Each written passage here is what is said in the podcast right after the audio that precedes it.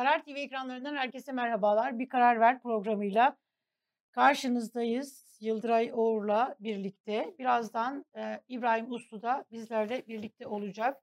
2023 seçimleri e, AK Parti için zor olacak mı? Muhalefet için bu, bu kez böyle. Yani artık değil mi?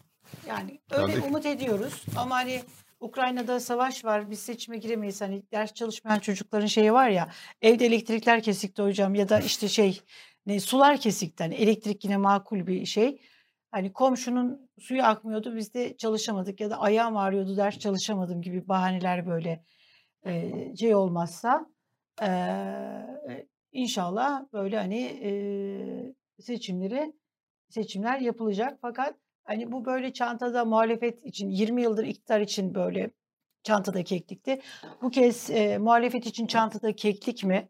Yani Hmm. evet böyle hani iktidar e, Erdoğan böyle oy kaybediyor mu? AK Parti kesin böyle artık böyle hani yayalım kesin bilgi e, kaybediyor mu? AK Parti seçmeni ne yapacak? Çünkü %25'lik bir kitle var ki hala böyle hani e, hani trafikten böyle şey verirsek e, trafikten örnek veriyorum çünkü hani benzin fiyatlarına son iki ayda %50'nin üzerine de, Evet zam geldi. Buna şey rağmen gerçekten. trafik böyle şey gayet iyi. Sağ çekmiş e, bekleyen bir AK Parti e, seçmeni var. E, İbrahim Dalmış Perspektif Online'da bir yazı yazmıştı. Bunu konuşuruz. Bugün İbrahim Uslu'nun kendi yazısı var. Bunları da konuşuruz. Konuşacağız yani bunları konuşacağız. Bu arada benim yorumları okuyamayacak gibiyim. Niye? E, çünkü gördüğün gibi şarjım şarj kablomda bozukluk var, temassızlık. Şu anda pek yorum yok. Yok Selamlar, iyi yayınlar. Selamlar, iyi yayınlar. Size de Ben senin için selam. okurum. Tamam sen oku. Bugün böyle yapalım. Kızdığım bir şey olursa söyle şey Şey, yaparım. sansür yaparsın. Tamam. Hani öfkelenmemi gerektirecek bir şey olsun. olursa sansür yaparsın. Putin e, Kadınlar Günü kutlu olsun bu arada. çok teşekkür ederim. Meral Hanım e, bayağı şey bir konuşma yapmış. Erkekleri bayağı Hırpalamış mı? evet, Nasıl hırpalamış? güzel hırpalamış. Ne diyor? Ben şimdi okuyamıyorum. Bak hadi sen oku. E, diyor yani bayağı şey yani e, tesettürüyle uğraşılmayan, bedeniyle sömürülmeyen, durakta lambanın soğuk ışığına sığılmayan, boşandığında dul, ağladığında hor görülmeyen, market rafından aldığını gizlemeyen, kendi ayakları üzerinde dağ gibi duran kadınlara alışacaksınız demiş. Böyle bir erkek milletvekilleri de alkışlamış tabii Meral Hanım'a.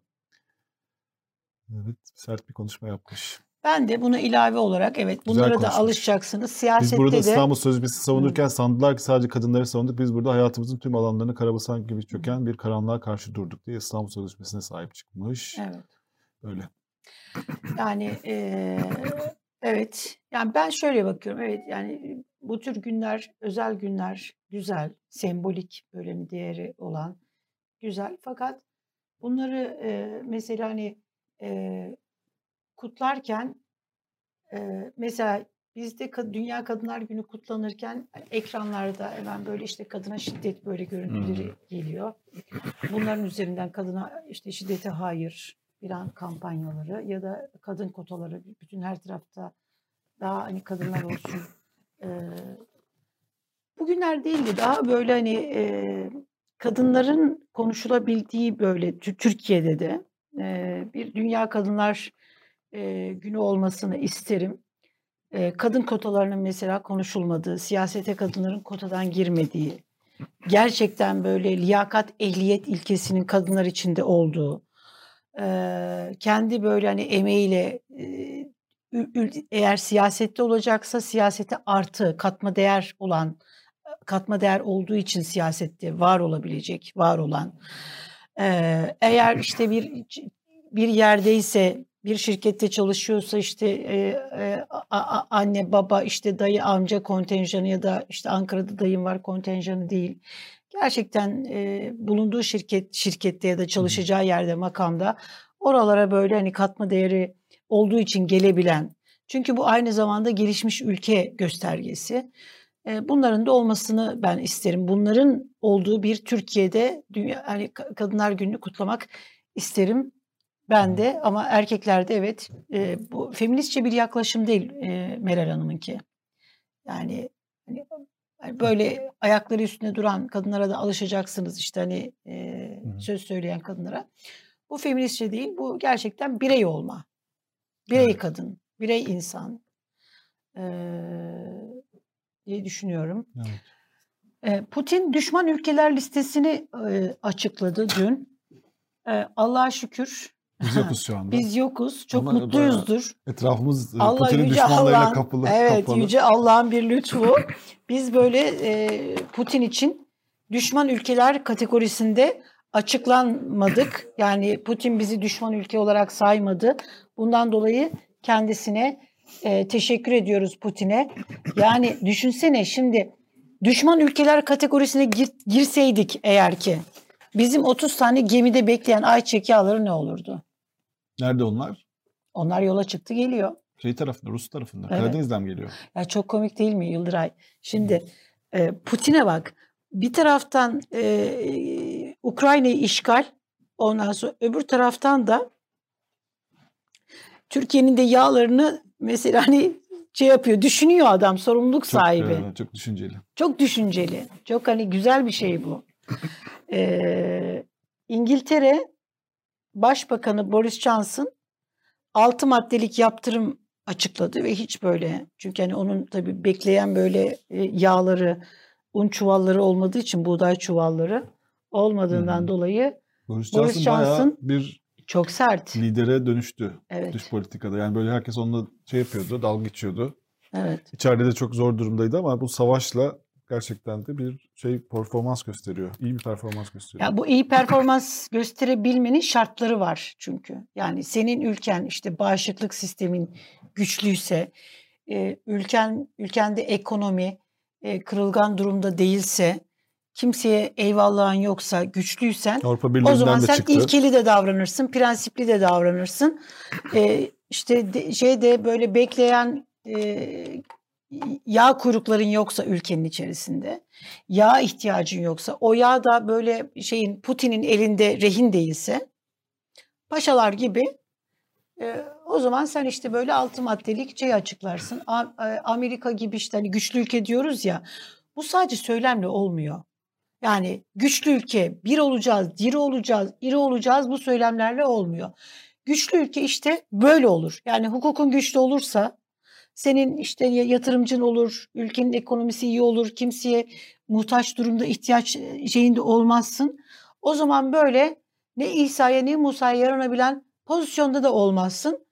Ee, put mesela hani Boris Johnson 6 maddelik e, Putin'in bu korkunç işgalini durdurmak için e, eylem planları açıklarken dünya hani mevkidaşlarını arayıp bunu yapalım orada insanlar ölmesin derken eğer sen böyle iyi durumda değilsen sen de Putin'i ararsın ve dersin ki bizim yağlar ne oldu? Buğdaylar ne oldu? Bunu söylersin yani bu kadar basit. Hatırlarsan Ukrayna işgalinin ilk gününden itibaren hani Türkiye o e, Rusya'nın e, AB e, işte hani şey aday askıya alınsın burada çekimsel oyu kullan dığından bu yana yani daha böyle hani geride daha temkinli durdu. Tamam hani top böyle hani tank, tüfek Putin'e karşı savaş açmayalım ama gayet diplomatik bir şekilde diplomasi işliyor. Hmm. İnsanlar oradaki sivil katliamını evet, inanılmaz katliamlar oluyor. Evet, yani sivil katliamını kınayacak, bunu durdurmak için açıklamalar yapıyor. Ee, yaraşır bir şekilde açıklamalar yapıyor. Ondan sonra ee, niye böyle? Çünkü bizim ülkemizin ekonomisi iyi değil. Yani biz düşünsene e, salgın oluyor, salgına ekonomimiz kırılgan yani iken yakalanıyoruz. Zaten kötüyken yakalandık. Bu şey işte iyi tam oldu kötü ama. günler için olan 128 milyar dolarımız hazinede olsaydı, ülkede işte adam gibi devlet politikası yani devlet adamlığı yapılsaydı, ülke iyi yönetilseydi, tarım tarım politikaları çalışsaydı, yani kimseye muhtaç durumda olmasaydık, şimdi biz böyle e, 30 gemiyi Putin, aman Putin, canım Putin, yağlarımızı gönder pozisyonda olmasaydık, bugün biz de herhalde bu yaptırımlara katılır. Rusya'yı, bu Putin'i bu sivil katliamından dolayı kınar. Ondan sonra şu işte hani bu önerilere biz de katılabilirdik ama olmuyor. Ete kemiğe bürünmüş hali neden böyle olduğunu dün Cumhurbaşkanı Erdoğan'ın Putin'le konuşup 30 işte ya bunu da bir müjde gibi vermesi ete kemiğe büründürdü. Yani Türkiye'nin hali pürümelali işte budur kardeşim. Buyuz. Yoksa hamasetle güçlüyüz deyince güçlü olunmuyor. Bu şey iyi o. E, Türkiye Dışişleri Bakanı'nın Antalya'da buluşması önemli yani. Evet. Aslında orada bir yani Türkiye'nin hani arada kalmasının bir e, böyle bir somut belki getirisi oldu. Yoksa başka bir ülkede buluşamadılar. Çünkü diye, ambargo uygulamadı Türkiye ama hani böyle bir şeye vesile olabilirse iyi bir şey olur. Evet. İnşallah bir şey çıkar. 10 Mart'ta İnşallah. Antalya'da e, Mevlüt Çavuşoğlu'nun da katılacağı iki ülkenin dışişleri bakanı. ilk defa üst düzeyde iki ülkenin yetkilisi bir araya gelmiş olacak. İnsan gurur duyar duyuyor ya. Ülkesi hani bu tür durumlarda daha aktör rol Tabii. Daha masada o e, küresel aktörlerin Eskiden işte hani Türkiye olduğu. öyleydi yani. Evet. Böyle her İsrail'le Suriye'yi barıştırmaya çalışıyordu bir ara. Evet. Türkiye. Yani e, kim böyle ülkesi böyle şey durumda olsun ister? Daha güçlü olsun, daha gurur duyulan, yani ülkesi kötü olsun e, ister mi? Yani bu yapılan ekonomi kötü git, gittiği zaman kim ülkesinde ekonominin kötü olmasını ister? Oy vermek, tercihte bulunmak başka bir şey. Ama bozulan ekonomi herkesi etkiliyor. Ayrım yapmıyor ki. Yani işte AK Parti'ye oy verenler daha iyi durumda. AK Parti'ye oy vermeyenleri etkilemiyor ki. Herkesi etkiliyor bu. Yani e... şeyler açıldı bir takım e, Twitter'da hesaplar açıldı. Zam gündemini Hı-hı. takip etmek için. Nereleri zam yapıldı diye. Evet. Bir tanesi şey yazmış. Geliyor diye baş petrol yani akaryakıt zammı bekleniyor yine herhalde. Neredeyse her gün oluyor yani akaryakıt zammı. Evet. Türkiye fotoğrafına bakalım mı bir? Arkadaşlarımız e, bir şey hazırladılar. Eski Türkiye, yeni Türkiye'de. Bak şimdi. Eski Türkiye. E, Cumhurbaşkanı Erdoğan bu eski Türkiye fotoğraflarını göremiyorum. Gördüm. E, çok kullanıyordu. Ve CHP'yi mesela şey diyordu. E, kuyrukçu e, CHP diyordu. Sizin yönettiğiniz Türkiye'de işte böyle benzin, tüp gaz kuyrukları var diyordu. Al işte e- ekmek kuyrukları var. Ekmek karneleri dağıtılıyor. Şimdi şuradan tarihleri sil şu iki görüntüyü görüntünün üzerinden tarihleri sildiğin zaman şuna eski buna böyle yeni der misin? Eşitlendi Türkiye. 1970'lerle eşitledik. Ekmek kuyrukları aynı. Gaz kuyrukları aynı. Bir tek olmayan bir şey var. Ne yok? Tüp kuyruğu. Dün de konuşmuştuk ha, ya. Tüp, ha. tüp kuyruğu yok. O fotoğrafı getirebilir misiniz arkadaşlar? Eski Türkiye'de şöyle böyle hani tüp tüplerin e, üzerinden hani şişman büyük tüp, küçük tüp, piknik tüp bunların üzerinde oturan böyle e, bunları bekleyen e, şeyler vardı, görüntüler vardı. Herhalde o görüntü almadık, arkada almamışız. E, bunlar vardı. E, şu anda sadece bu yok. Belki o da olacak. Benzine yine zam geldi Yıldıray. Evet. En son 21-21 motorin, hı hı. E, benzin 19-25'ti. Evet. Bir tane şey yani vardı. Üzerinde konuşması gelmiyor. Yani. O kadar ha, can evet. sıkıcı ki bu benzin zammı. Çünkü her ben şey zam geleceği ediyorum. anlamına geliyor bu aynı zamanda. Çok uzun yıllar oldu da ben şeyi merak ediyorum Yıldıray. Şu bir tane bir, bir, bir amca vardı ya. O da tabii yani gençse 20 yaşındaysa 40 yaşındadır. 40 yaşındayken bunu söylediyse şu anda 60 yaşındadır. Birisi vardı hani bana fark etmiyor. Hep 50 TL'lik benzin alıyorum ben diyen. Hmm. Onun aslı 20 TL'likti. Hmm. 20 Sonra liralık. 20, Sonra çıktı. 50'ye çıktı. Onun üzerinde bir sürü böyle espriler yapıldı. Onunla alakalı çok güzel böyle bir şey var. Ee, hmm. e, tiyat, 50 yani, TL'lik benzinle galiba 4-5 evet, kilometre falan şey, gidilebiliyor şey artık. yapıldı. Hazır mı arkadaşlar videomuz? Bir onu verelim hadi.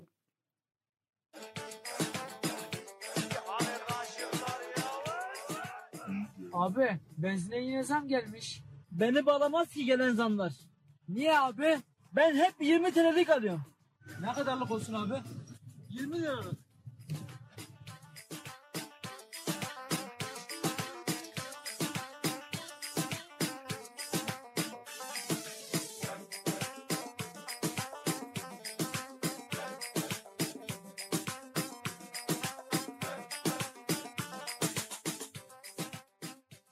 Abi artık sen de bağlıyor gelen zamlar. Fark ettim.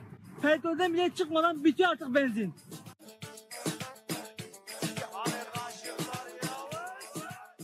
Abi benzine yine zam. Tekrar Burada tekrar, oluyor? Ha, evet, tekrar. çift dikiş yapmayalım. Evet, e, şimdi zamlar herkesi bağlıyor. Öyle bağlamayanı yok kardeşim. Hani böyle işte bundan sonra şimdi ceplere dokundukça e, şu dış güçler diyenleri göreceğiz. Dış güçler ekonomimizi batırmaya çalışıyorlar. Zamları devlet mi yapıyor diyenlerin hepsini böyle e, teker teker teker teker göreceğiz bunları. Bağlıyor kardeşim. Herkesi bağlıyor. Arabası olanı da olmayanı da bağlıyor. Ee, Gazetelere bakalım biraz. e, bakalım hadi.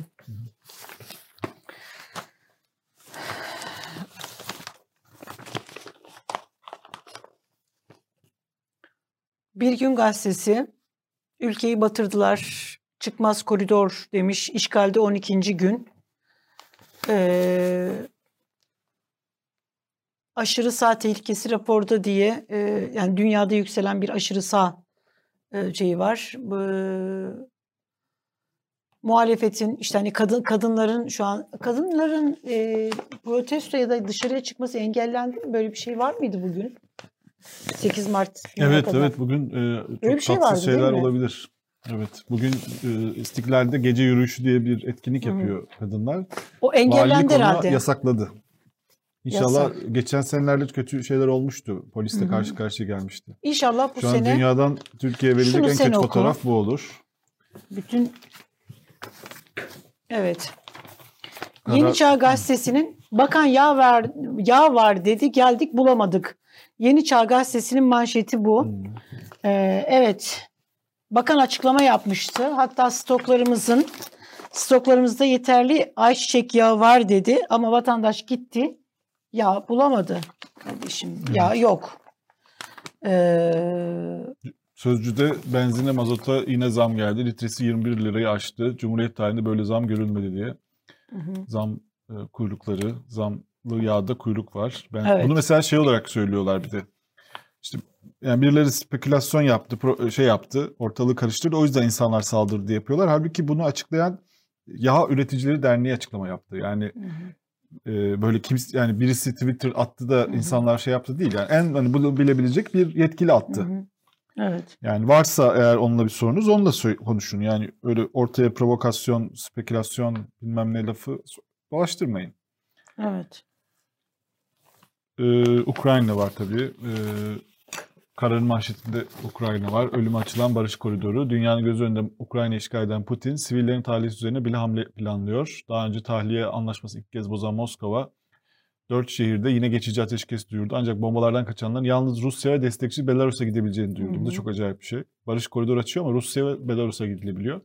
Plan Putin'in derdi tahliye etmek değil teslim atmak tepkilerine neden oldu diyor. Bu şeydeki fotoğrafı kullanmış. Çok korkunç bir fotoğraf gerçekten. Aa, E, New York Times de bunu manşetine koymuştu dün. Hatta bir açıklama yapmışlar. Yani biz bunu özel olarak koyuyoruz ki görünsün yani. Burada öyle Evet. şey değil. Şaka bir şey olmuyor yani. Siviller ölüyor diye.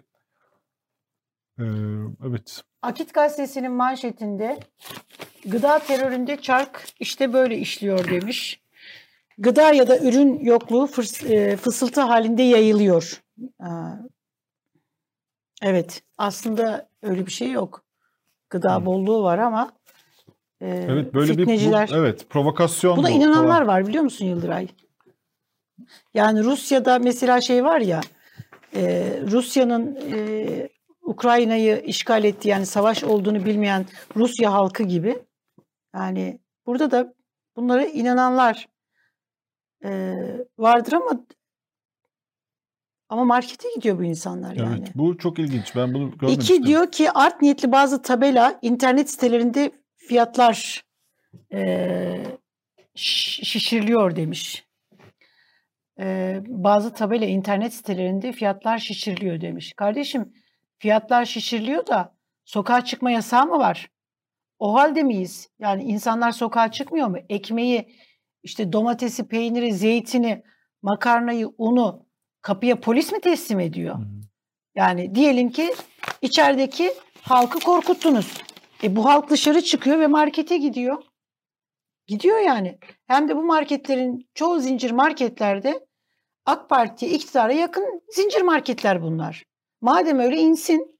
E tarım şeyleri var, kooperatif marketler var. Orada da fiyatlar yüksek.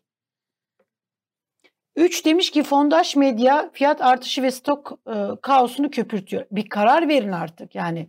Bir tarafta diyor ki fiyatlar şişiriliyor, bir tarafta diyor ki fiyat artışı ve stok kaosunu köpürtüyor. Demek ki var yani bir şey ki var yani bu. E, demiş ki stok yapan okuruz. marketler ürünleri fahiş fiyatlarla etiketliyor. Tabii gidiyorsun böyle şey yapıyorsun sonra. Şu fiyata olur mu kardeş, bu fiyata olur mu diye. E, Cumhurbaşkanı Erdoğan stok, stokçulara yönelik hassas çalışma var demiş. Sayın Cumhurbaşkanı. Yani bir böyle talimat verseniz. Yani bütün bakanlarınız, siyasi teknisyenleriniz çıkıyor. İşte e, sizden talimat. Yani şu anda bütün yetki, bütün bütün güç, yetki, her şey sizin iki dudağınızın arasında. Yani e, bunun böyle hani PR'ını yapmak, hassas çalışma. Ya stokçulara yönelik hassas çalışma yapmanıza gerek yok. Düşürün fiyatları, vergiyi düşürün. Ee, düzgün böyle hani eko, eko, ekonomiyi uçurun. Ekonomiyi uçurursanız e, etiketler uçmaz. Yani bunun hani faiz, enflasyon, sebep sonuç yani kötü yönetim işte sonuç böyle oluyor. Siz bunları yapın artık yani bir kabineniz çalışsın, bir iktidarınız çalışsın artık. Yani ülkenin sorunları için çalışsın. Algı operasyonu, algı yürütmek için bu açıklamalar hamaset için değil.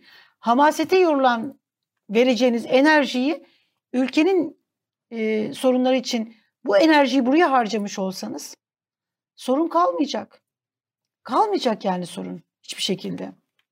Bu şeyde çok ilginç bir e, Cumhuriyet'te Barış Pehlivan'ın çok ilginç bir yazısı var bir partiden bahsediyor. Yeni kurulan bir parti. Hı hı. Ve burada çok sayıda genel başkan yardımcısının istifa ettiğiniz üst üste. Bunun sebebinin de bir şey kaset savaşları.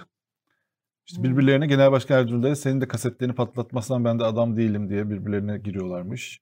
Nerede bu? partinin adını vermiyor. mesela şöyle şeyler varmış. Partinin genel sürekli istifalar oluyormuş çünkü e, yazışmalar işte senin cinsel içerikli yazışmalar falan bir ortalıkta dolaşıyormuş. Partinin genel başkan yardımcısının odalarına takılan bir duvar saati düşünün. Kötü bir malzemeden yapılan üzerinde Atatürk çiziminin ve parti logosunun olduğu ay yıldızı bir saat ancak asıl işlevi farklı mıydı? Parti için endişe öyle bir boyuta gelmiş ki o saatlerin içinde böcek diye tabir edilen dinleme cihazı olduğunu düşünenler varmış. Böyle bir parti var. Bu parti burada değil mi? Türkiye'de evet. Yani bu son zamanlarda sürekli istifaların olduğu bir şey var. Zafer Partisi var. Evet. Onun Ama olabilir. orada olabilir mi? Orada kaset savaşı olmaz yani. Valla şu anda en şeyi o yakın.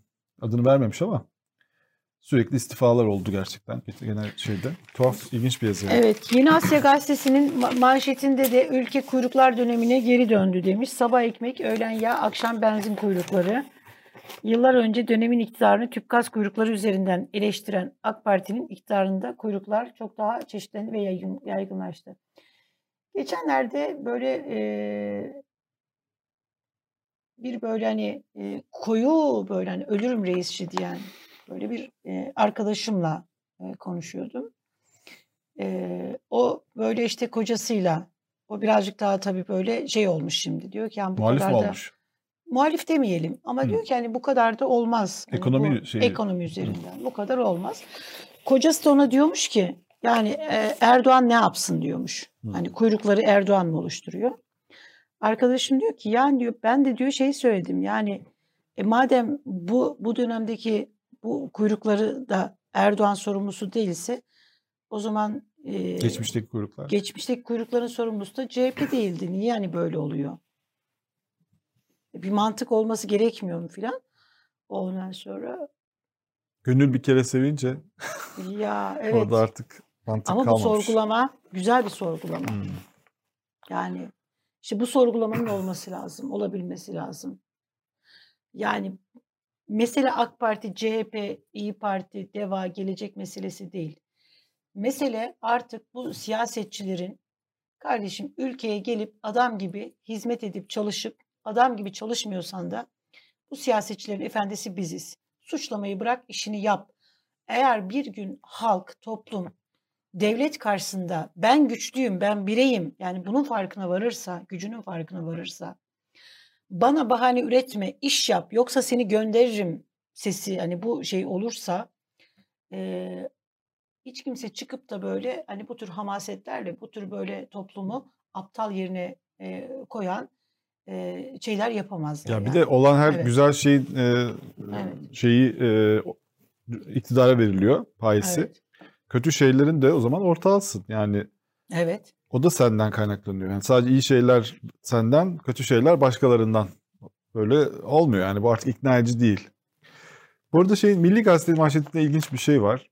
Şimdi İsrail Cumhurbaşkanı geliyor Türkiye'ye. 9-10 Mart'ta Ankara'ya gelecek. Bu önemli. Ee, tabii bu eleştiriliyor. Milli Gazete de bunu eleştirebilir. Ee, fakat kafasında kipa, çantasında dosya diye eleştirmemeli yani. Kafasında kipa. Kipa bir dini e, yani takke. Yani Yahudilerin e, dini e, sembolü. Kafasında kipa olması onu kötü bir insan yapmıyor. Yani bu Yahudiliğe karşı bir şeye dönüşüyor. Yani sen İsrail eleştirmen lazım. Eleştiriyorsan İsrail Cumhurbaşkanı'nın ziyaretini eleştir. Kipasıyla uğraşmamak lazım. Bunu böyle not düşmüş olalım. Evet. Yeni Şafak manşetini okumak ister misin? Vallahi bu büyük zevki Ben- sana bırakıyorum. Tamam ben okuyayım sana. Ben de bir değişik hissettim kendimi. Yani Yeni Şafak uzun zamandır elime almıyordum. Yeni Şafak. Evet. Barış Masası Antalya'da demiş. Güzel. Yağ kuyruğu var mı? Yok. Va- yağ, yağ haberi var. Günlük satışın 10 katı yağ aldık demiş. Ayçiçeği yağında kriz yaşanacağı konusundaki yönündeki asılsız söylenti ve spekülasyonlarla vatandaş marketlere hücum etti. Gördün mü vatandaş suçlu yine. Yani operasyon çekenlere biz de operasyon çekeceğiz demiş. Kim demiş bunu? Kim? Gözleri parıldayan bakanımız. Gözlerinde ışıltı olan, ışıltılı. Gözleri da ışıltılı çıkmıyor uzun bakan. süredir ama. değil mi? Yok. Yani arada bir e, böyle açıklamalar falan yapıyor ama Evet çok ya. Sayın Bakan bir gece arada yarısı yine bir haberle karşılaşır mıyız acaba? karşılaşırız. Herkesin ya bu sonuçta e, bu sistemde bakanların kabininin işte hani bir önemi olmadığını Mehmet Uçum bu sistemin mimarları ya söylemişlerdi. Yani burada iktidar gayet açık oynadı. Yani bir şey saklamadılar. Sadece kelime oyunu yaptılar. Yani ülkeyi uçuracağız dediler. Yani ülkeyi uçuracağız dedi, de- denirken cümlenin yani ülkede işte mesela faturaları faturalar, zamlar uçacak. Bunu söylemedi. Eksik yani hani Süleyman Demirel'in meşhur bir şey var ya demişler ki e, işte nasıl demiş tek kelimeyle söyleyecek ol- olursam iyi iki kelimeyle söyleyecek olursam iyi değil gibi hani böyle buna benzer tam olarak hani tam hatırlayamadım ama bunun gibi sadece eksik gedik böyle söylediler. Kaldı mı manşetimiz? Sabah gazetesi var. Antalya'da Barış Umudu. Ben de sana bırakıyorum Savaşın sabah ortasında gazetesini. sağ ol. Kadınların sesiyim. Ee, Sabah gazetesinin iki muhabiri Ukrayna'da. Ee, bütün gazeteler e, şey yapmışlar yani böyle bu aslında bayağı şey.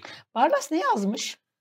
Barlas'tan haberin var mı? Mehmet Barlas'ı bu yok. Yazısı yok galiba. Bir dakika sayfada vardır belki. Bakayım. Yok yazısı yok. Yok mu?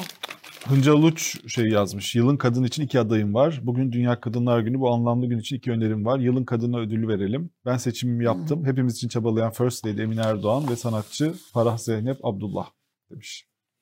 Hıncal Uluç. Evet. Bence yaparlar.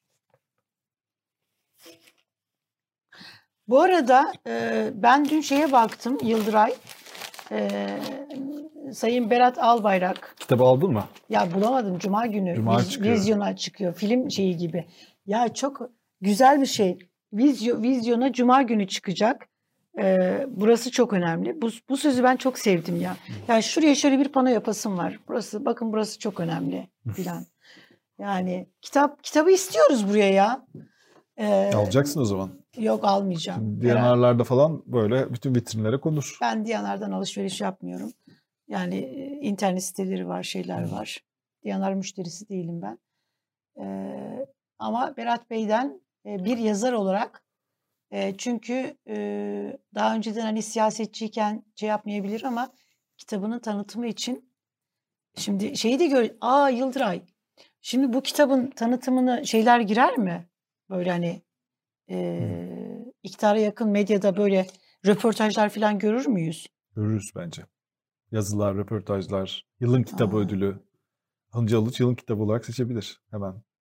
Yılın kitabı şey. Ha, şundan dolayı diyorum. Mesela hani hala Cumhurbaşkanı Erdoğan'la e, barışmadığı, aralarının çok da iyi olmadığı mesela hani oralara yakın hmm, isimler. söylüyor. Yani evet böyle şeyler söylüyorlar.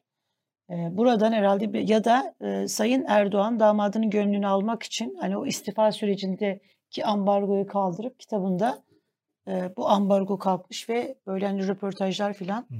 görebiliriz. Çünkü o da 2000 e, hani ülkenin ekonomisinin çok iyi olduğunu yazmış kapak böyle hani tanıtım yazılarında böyle şeyler var. Yani istifası ilgili bir şey var mı onu merak Onu ediyoruz tabii. bilmiyoruz ama yani ülke ekonomisi iyi filan dediğine göre Allah hepimizin neydi sonu? Allah sonumuzu hayretsin. Hayretsin. At izi it Kitap karıştı. acaba? Hayır, at izi it izine karıştı. Ee, hakla batıl birbirine karıştı. Allah sonumuzu hayretsin. Ama bir gün önce istifa etmeden bir gün önce ne diyordu? Bizim dolarla işimiz yok. İstesek doları dü- düşürürüz. Ülkenin ekonomisi çok iyi demişti. Bunu da e, rahmetli Batuhan Yaşar yazmıştı Türkiye Gazetesi'ne Hmm. hatırlarsan bunun haberini yapmıştı. AK Partili milletvekilleriyle yaptığı bir toplantı. Böyle Devlet Bahçeli de e, konuşuyor grup toplantısında. Hı hı. Ayçiçek yağı açıklaması İstanbul ve Ankara'daki marketlerde milletimizin asaletine yakışmayan ilkel görüntüler hepimizin yüreğini sızlatmıştır demiş. Herhalde Evet. grup toplantısı konuşuyor. Şeyi unuttuk bak. Milletimiz asaletine yakışmayan Abdülkadir. Selvi, İbrahim Uslu bu arada hazır. Hadi İbrahim Uslu'yla e, bu konuya devam edelim. Hazır mı arkadaşlar İbrahim Uslu? Yayını alalım. E, İbrahim merhaba. Günaydın, kolay Merhaba. gelsin. Sağ ol. günaydın. Na- Nasılsın, iyi misin? Ankara'da havalar nasıl? Siyasi havadan Vallahi- bahsediyorum. Siyasi hava yani şey orada kasırga tipi tufan hepsi birden var ama bildiğimiz iki şey hava e, o pırıl pırıl güneşli şu an. Dün çok yağ, yağ- yağmur vardı. Bugün de yağmurlu olacak ama en azından öğlene kadar e, böyle güneşli bir hava gördük yani. İlkbahara yakışır. E, Hürriyet gazetesinde Abdülkadir Selvi e, e, bu Putin'le Cumhurbaşkanı Erdoğan'ın görüşmesinin arka planını yazdı. E, Beştepe kaynaklı, Beştepe'den aldığı böyle hani kaynak şeylerle, kulislerle yazdı. Orada Cumhurbaşkanı Erdoğan'ın Putin'e biz e, özetle biz üç ülke birbirimize yeteriz gibi e, özetle diyorum tam ifadeler bu değil. Hürriyet gazetesini alırsan Yıldıray, Hürriyet'in çünkü internet sitesinde sorun var. Hmm. Ee, Evet. bir ilginç. kriz mi var anlamıyorum ama e, siteye çok böyle hani girilmiyor. Ee, Sayın Ahmet Hakan bununla ilgilenirse seviniriz. Ee, tıkanıklık var. Mesela yazarlarına girilmiyor, şeylere girilmiyor. Ee, şöyle söylüyor. Yani üç ülke biz birbirimize yeteriz. Beraber üçlü ülke önerisinde bulunmuş. Ee, okudun mu bu yazıyı İbrahim? Yok maalesef. Peki böyle bir öneri e, böyle bir öneriyi Cumhurbaşkanı Erdoğan'ın bu önerisini e, nasıl değerlendirirsin? Yani şey e, ya bir ticari fırsatçılık çünkü dünyanın hiçbir yeriyle şu an ticaret yapamıyoruz ya ve işte şey biz e, bu şeylere yaptırımlara dahil edilmedik. E, o yüzden Türkiye şu an için biraz rahat. Evet. E, yani ben sana istediğin her türlü malı satayım falan herhalde ihtiyacın neyse e, bir şekilde de bir ödeme sistemi kurarız şeklinde zannediyorum bir şey öneri bu. Ben e, buradan onu anladım ticari bir şey yani. Üçüncü ülke kastı olarak Ukrayna'yı mı kastediyor? Yok Ukrayna'yı üçü- üçüncü e, ülke kim? onu bul, çi- çizdiğim gazeteyi getirmemişim buraya. Onu bulmaya çalışıyorum bir dakika. Yani bir Rusya, biri Türkiye, üçüncüyü anlamadım. Çin. Çin Çin olabilir Hı hı. evet. Bir dakika. Virgül e, Yok Çin Çin çünkü yaptırımların bir kısmını uygulayacağını o da söyledi, açıkladı.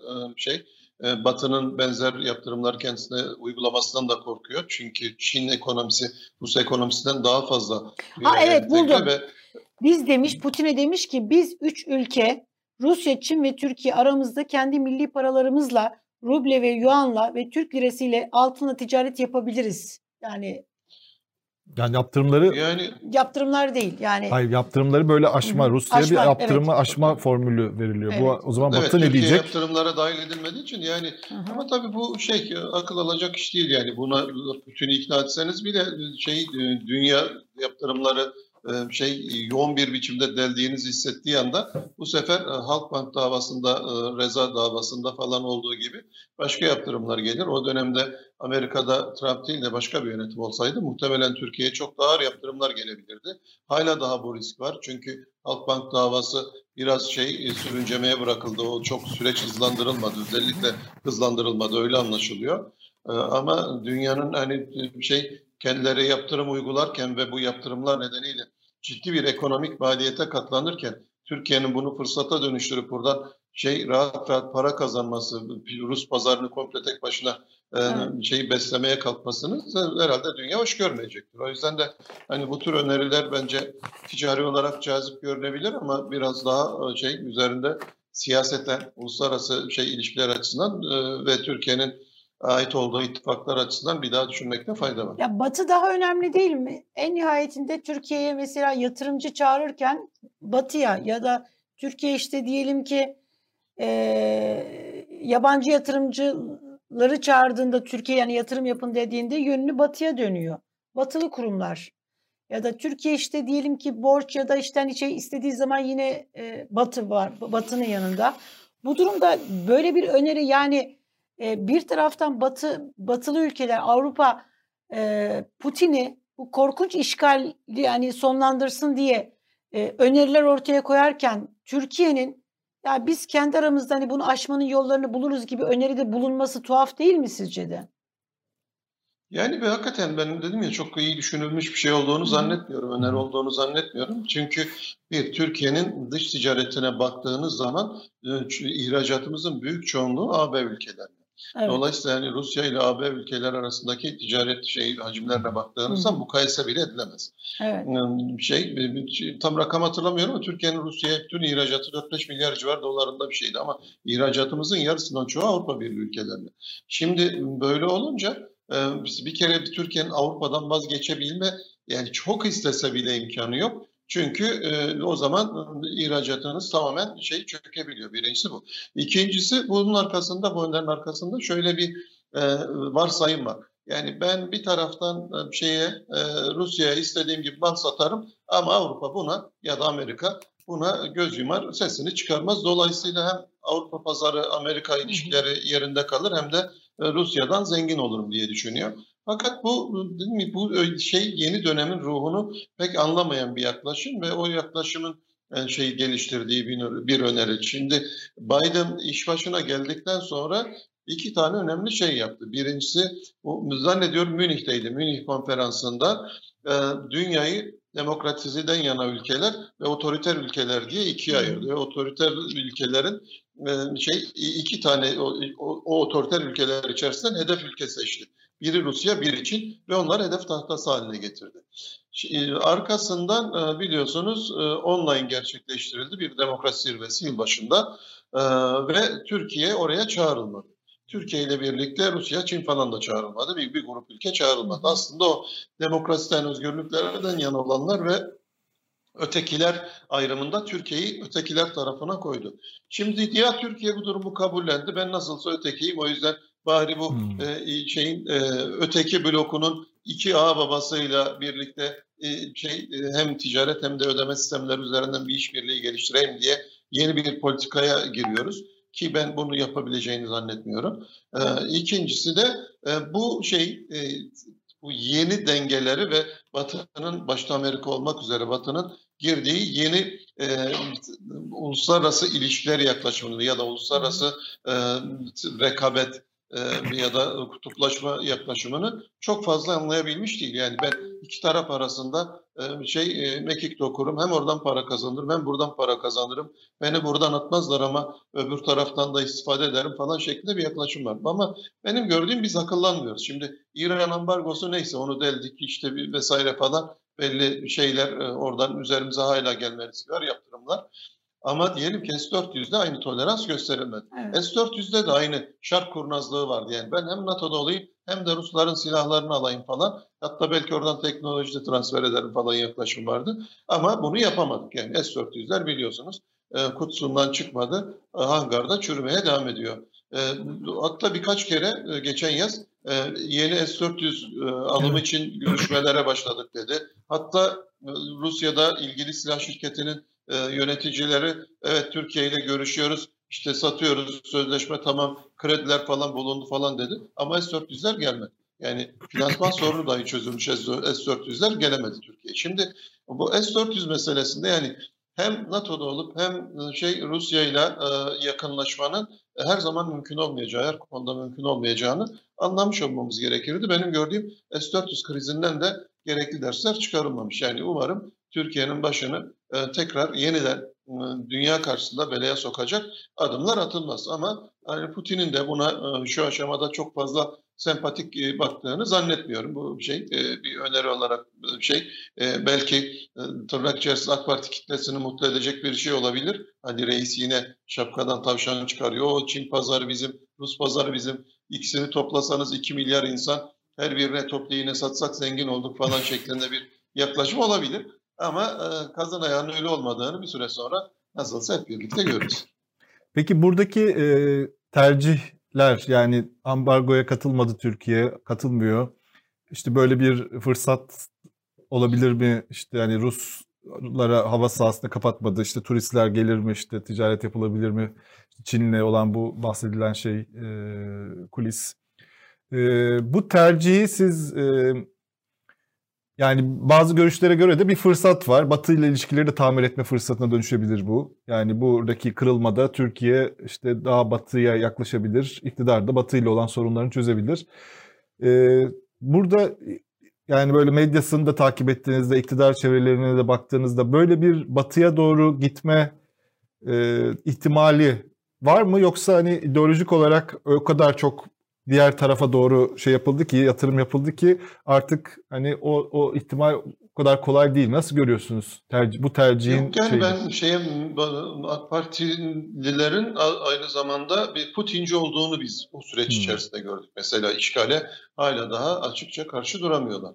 Putin'e e, laf edemiyorlar. E, hükümetin pozisyonu yani e, bu bize bir fırsat. Bu, bu fırsattan Rusya'ya yaklaşalım ve Rusya'nın e, şey e, dünyaya açıldığı ya da ekonomik sorunlarını çözdüğü, ihtiyaçlarını karşıladığı ülke olalım diye bir fırsat olarak değerlendir değerlendirilmeye çalışıyoruz. Ama e, o yüzden de e, şeyin buradan batıya yaklaşmak değil, tam tersine yalnız kalmış Rusya'ya daha da yakınlaşarak e, onunla ilişkilerimizi derinleştirmek gibi bir tutumları var. O yüzden de yani şey e, AK Parti medyası e, hakikaten Putinci oldu ve tam bir hayal kırıklığıydı. Yani e, hani sol sosyalist soldan bazılarının Rus işgalini, Rusya'yı işte Amerikan emperyalizmine karşı bir eylemmiş gibi göstererek meşru kılmaya çalışması o da kabul edilebilir değil ama anlaşılabilir en azından. Ama çok sayıda Putinci AK Partili olduğunu gördük ve işgale açıkça şey itiraz edemedi. Hükümet de e, aslında e, çok şey yumuşak tepkiler verdi ve şeye katılmayarak, bu yaptırımlara katılmayarak e, aslında bu olayı çok da önemsemediğini, hatta bunu bir fırsat penceresi olarak gördüğünü anlamış bulunuyoruz. Şimdi bir taraftan da Ukrayna ile şey güvenlik işbirliği anlaşmamız var. Orada silah üretmek için birlikte yatırımlar yapıldı. İşte başta SİHA'lar olmak üzere, İHA'lar, SİHA'lar olmak üzere çeşitli savunma sanayi gereçleri satıyoruz oraya. O yüzden Ukrayna'da ilişkileri koparmak için e, açıkça e, şey Rusya'yı destekleyen bir konumda olmadı. E, ama öte yandan Rusya'ya yaptırımlar da uygulamıyor. E, Batı bunu anlayışla karşılar. Türk ekonomisi zaten derin bir kriz içerisinde. Dolayısıyla hani bir yaptırım uygulayabilecek zaten şey yok, e, altyapısı yok, imkanı yok falan diye. Ama e, Türkiye bunu Batı ile ilişkileri tamir edecek bir fırsat olarak kullanmıyor şu ana kadar. Çünkü Batı ittifakının yanında durmuyor. Bir, bir tür Bunun böyle sebebi şey, nedir? tarafsız tarafsız bir pozisyondaymış gibi duruyor ama öte yandan da şimdi tarafsız olursunuz o zaman sadece barış için çabalarsınız. Fakat abi gel bu arada ticaret yapalım sen, sen biz zengin oluruz bu batıya ne ihtiyacımız var falan dediğinizde tarafsızlığınıza halel gelmiş oluyor. Çünkü o zaman bir tarafın şey destekleyen, besleyen, onun bu ambargolara karşı direncini ya da yaptırımlara karşı direncini arttıracak e, şey falan bir mekanizma öneriyorsunuz. Şimdi bu durumda zaten Batı'nın karşısında yer almış oluyorsunuz. O yüzden hani ben bunu Batı ile sorunları çözecek bir fırsat olarak kullanmak yerine e, şey bu fırsatı değerlendirip içinde bulunduğumuz şeyle dönemde biraz para kazanır mıyız diye çabalayan bir e, bir yine şart kurnazlığı şeyi görüyorum, emareleri Peki görüyorum. niye mesela... Bu olur mu olmaz mı kestiremiyorum ama bu iyi bir sinyal değil yani. İbrahim peki e, Batı ile ilişkileri yeniden düzeltmek için hani bu krizi Türkiye fırsata çevirebilirdi. E, ama bunu tercih etmedi. Yani bunun için bir deneme de yapmadı. Buradaki e, sebep ne? Yani Batı ile ilişkileri düzeltemem yani o kapıların böyle hani açılmayacağını gördüğü için mi? Yoksa gerçekten hani şark kurnazlığı ben şu günü kurtarayım e, bakışı mı? Benim gördüğüm Batı'yla zaten şimdi şey çok somut. Yani Avrupa Birliği'ni almıyorlar. Zaten oradan vazgeçtik. Ee, işte şimdi şeyle Avrupa Konseyi ile vesaireyle sorunumuz var. Ee, belki şey oradan işte oy hakkımız elimizden alınacak, yaptırımlar gelecek. Bu e, Kavala davası yüzünden biliyorsunuz şu an ahim şey e, bir karar verecek. Ondan sonra da Bakanlar e, Konseyi, Bakanlar Kurulu neyse oradaki bir, bir, bir şey nihai kararı verecek. Şimdi onu da Türkiye anladığım kadarıyla çok önemsemiyor. Yani orada oyum olsa ne olur, olmasa ne olur, hatta atsınlar bizi falan şeyinde modunda rahatlığında. Bu tür kurumların uzun vadede ne anlama geldiğini benim gördüğüm hala çok fazla idrak edebilmiş bir diplomasi yaklaşımımız söz konusu değil. O yüzden de nasılsa ben gümrük birliği içerisindeyim. Mal alıp satıyorum. Mallarıma özel bir şey e, engel falan çıkarılmıyor. İhracatıma, ithalatıma bir engel çıkarılmıyor. E, o yüzden de e, şey ekstra bir ilişkiye, özel ilişkiye daha da bir üst seviyeye geçirmeye falan da gerek yok. Zaten böyle bir talebimiz yok. O yüzden de burada da bir fırsat penceresi var. Bu fırsat penceresinden istifade edelim şeklinde bir şey yaklaşım var burada. Dolayısıyla hani daha da iyi bir şey üst düzey ilişkilere sahip olmak gibi derdi yok benim gördüğüm Türkiye'nin Avrupa'yla. Ee, işte çok şey az sayıda problem var. hatta bir, belli bir gerilim olmasını da istiyor. Yani Türkiye'yi bir miktar şeyin Avrupa Konseyi'nin, Avrupa Parlamentosu'nun, işte Avrupa Birliği'nin falan hırçın üyesi ya da komşusu falan öyle bir konumda tutmaya çalışıyorlar. Yani tamam Türkiye yapar, Türkiye'den böyle şeyler beklenebilir falan şeklinde bir karşı tarafta algı yaratmaya çalışıyorlar. Bir taraftan da işte Rusya ile daha da güçlü ilişkilere, ticari anlamda daha fazla ihracat yapabileceğimiz bir şeye seviyeye falan yükseltmeye çalışıyor benim gördüğüm ama bu şeyin yani Türkiye'nin Rusya ile özel ödeme sistemleri kullanarak şey daha büyük miktarlarda dış ticaret yapması bir süre sonra bu Türkiye'ye karşı olan bu şu anlık hoşgörülü durumu Batı nezdinde şey değiş, değiştirilmesine neden olabilir ve o yaptırımların kapsamına Türkiye falan da girmeye başlayabilir ya da Türkiye'nin de artık bu yaptırımlara dahil olması aksi takdirde yaptırımlardan kendisinin de müteessir olması gibi kararlar çıkabilir. O yüzden hani o limitleri de çok zorlamamak lazım. Şu an yaptırım uygulamamızı istemiyor e, içinde bulunduğumuz ittifak ya da kenarında bulunduğumuz ittifak. Ama onların yaptırımlarını etkisiz hale getirecek adımlar attığımızda bu sefer e, yaptırımların kapsamına biz de dahil edebilirler. Hani e, bu şu anki pozisyonda kalmak bile Türkiye açısından bence önemli ama bunun ötesine geçtiğimizde dimyata pirince giderken evdeki bulgurdan olma şey olasılığımız var. Yani Türk şirketlerinin Avrupa'ya mal satmadan ya da oraya mal satarken sorun yaşaması durumunda ayakta kalmaları çok zor. Onu bir daha düşünmelerini ben öneririm. Ee, şöyle yorumlar var. Şimdi bu savaş ortamı e, tekrar e, soğuk savaşın başlaması Rusya ile Batı arasında işte Almanya silahlanıyor, Avrupa Amerika ilişkileri e, güçleniyor, NATO e, tekrar ön plana çıktı. E, böyle bir kriz halinde dünyada tekrar işte siyasette de istikrar arayışına neden olacağı, özellikle seçimlere doğru giden ülkelerde işte Fransa'da seçimler var, işte Macaristan'da seçimler var ve Türkiye'de seçimler olacak. Ve işte güçlü liderlik, işte dış politikada daha Türkiye'yi güçlü temsil eden bir liderlikrin daha e, ön plana çıkabileceği, bunun da iktidara yarayacağı. Yani dünya çok karıştı. Yani artık biz de istikrarımızı koruyalım e, anlayışının özellikle iktidarın lehine olabileceği söyleniyor. İşte Fransa'da mesela Macron e, yükseldi anketlerde. Macaristan'da Orban'ın hani seçim kazanma ihtimali daha yükseldi. Böyle şeyler var, somut sonuçlar da var. Siz bu değerlendirmeye ne diyorsunuz?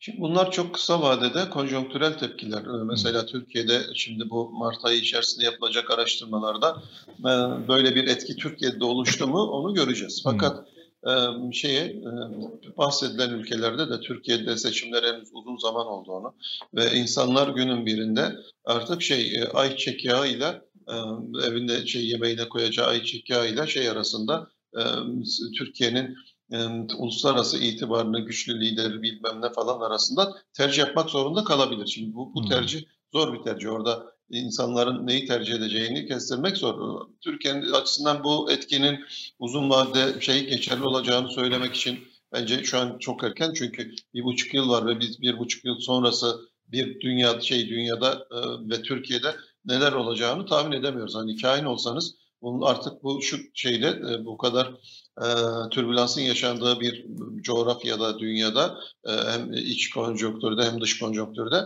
e, tahmin yapmak çok zor ama ben bir buçuk yıl sonra hala bu uluslararası alanda bu şeyin konjonktürün devam edip etmeyeceğinden emin değilim. İkincisi insanların e, bir buçuk yıl sonra artık kurumun normal kabul edip hani soğuk savaş yıllarındaki gibi e, şey böyle tekrar yeniden güçlü lider değil de hayatını, refahını arttıracak, iyileştirecek, yaşam koşullarını iyileştirecek başka bir alternatifler arama eğiliminin bu süreç içerisinde süreç normalleşeceği için yeniden gerçekleşebileceğini düşünüyorum. Türkiye'de biz şimdilik bunu hissetmedik ve şey şu an bu evet medyanın gündeminde bir şey var. Bu kriz var, Ukrayna krizi var. Bunun yaratacağı yeni dalgalar var. Ama vatandaşın gündeminde işte ayçiçek yağı krizi var ya da işte doğalgaz, elektrik krizi var. Yani vatandaşın gündemi hakikaten yani sadece medyanın gündeminden değil, dünyanın gündeminden de ayrıştı. O yüzden insanlar kendi küçük kıyametleriyle uğraşmak zorundalar. Ben hani bir buçuk yıl sonra konjonktürün aynı kalıp kalmayacağını, konjonktürün devam etse bile Türkiye'deki vatandaşın gündeminin nerede olacağı ve vatandaşın yaşam koşullarının hangi duruma gelmiş olacağını çok daha bu seçmen tercihler üzerinde belirleyici olacağını düşünüyorum. Hı hı.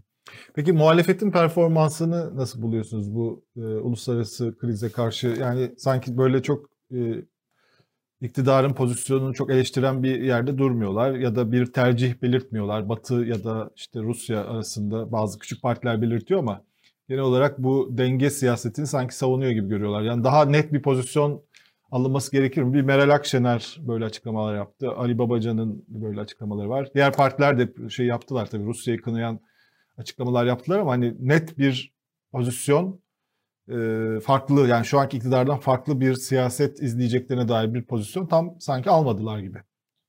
E, tabii yani biz şimdi Rusya'ya bu kadar yakın ıı, bir ülke olarak Rusya'nın net biçimde tehdit altında bir, bir ülkeyiz. O yüzden de Türkiye'nin Rusya ile inatlaşabilmesi, şey e, tansiyonu yükseltebilmesi falan yükseltmesi çok doğru değil. Yani bunu istediğin yapabilir de. Ama bu doğru bir duruş şey pozisyon olmaz. O yüzden de benim gördüğüm Türkiye'de herkes Rusya ile ilişkileri yani bir taraftan Rusya ile dalaşmayalım ama bir taraftan da Rusya'ya karşı bir güvenlik şeyi olarak e, garantisi olarak işte Batı blokunun NATO blokunun içerisinde kalalım. Dolayısıyla da hani Rusya'nın şerrinden iki kere emin olalım şeklinde e, 70 yıllık e, hatta 70 yılı aşkın bir şey var. Dış politika paradigması var Türkiye'de ve bunun üzerinde benim gördüğüm herkes neredeyse e, müttefik. E, bir AK Parti bunu delmeye çalıştı. E, şey ama başaramadı yani kendi deldi yapmaya çalıştığını kendi bozdu uçak düşürerek falan yani tarihimiz boyunca şeyle Rusya ile en çok yakınlaşmaya çalışan iktidar aynı zamanda Rusya ile savaşın eşiğine geldi. Allah'tan Rusya şey aklı selim davrandı. O uçak düşürme krizinde tansiyonu yükseltecek açıklamalar yapmadı. Sadece ekonomik yaptırımlar falan uyguladı. Ama orada askeri bazı şeyler yapmaya kalkışsaydı biz bir anda Rusya ile savaşın eşiğine gelebilirdik. Yani AK Parti'nin şeyi öyle bir standartsızlığı da var. Yani bir taraftan Rusya ile çok yakınlaşmak istiyor, bir taraftan da Rusya ile savaşın eşiğine geldik. Ve çok sert açıklamalar vardı yani vururuz bir daha gelsin bir daha vururuz falan şeklinde o dönemde. Ve oradan bir kahramanlık hikayesi çıkarmaya çalıştılar. Fakat kısa süre içerisinde buradan kahramanlık çıkmayacağı anlaşıldı. Sonra da şey tansiyonu düşürmeye çalışan taraf oldu. Değil mi? Rusya orada tansiyonu yükseltmeyi kendi dış politikası açısından çok uygun görmedi. Yoksa tansiyonu yükseltebilir miydi? Elinde aklı bir gerekçe vardı yani yükseltebilirdi. Savaş uçağını düşürmüşsünüz televizyon kameralarının bilmem neyin gözünün önünde falan. Yani buradan bir sürü komplo teorisi çıkarıp Türkiye ile tansiyonu gerçekten yükseltebilirdi. Ee, o yüzden benim gördüğüm bu Türkiye'de son 70 yıl aşkın bir süredir e, Rusya ile gerilim yaşamayalım, e, Rusya ile karşı karşıya gelmeyelim. Ama bir taraftan da Rusya'nın şerrinden emin olabilmek için, oradan kendimizi koruyabilmek için de NATO bloku içerisinde kalalım şeklinde bir şeyimiz var, yaklaşımımız var. Bu artık şey yani partileri, siyasi eğilimleri bir vesaireleri falan e, aşan bir yaklaşım. Tam bir devlet politikası. Muhalefet partileri de bu politikanın e, bence şey doğru olduğunu düşünüyorlar ve politikaya aykırı davranmıyorlar.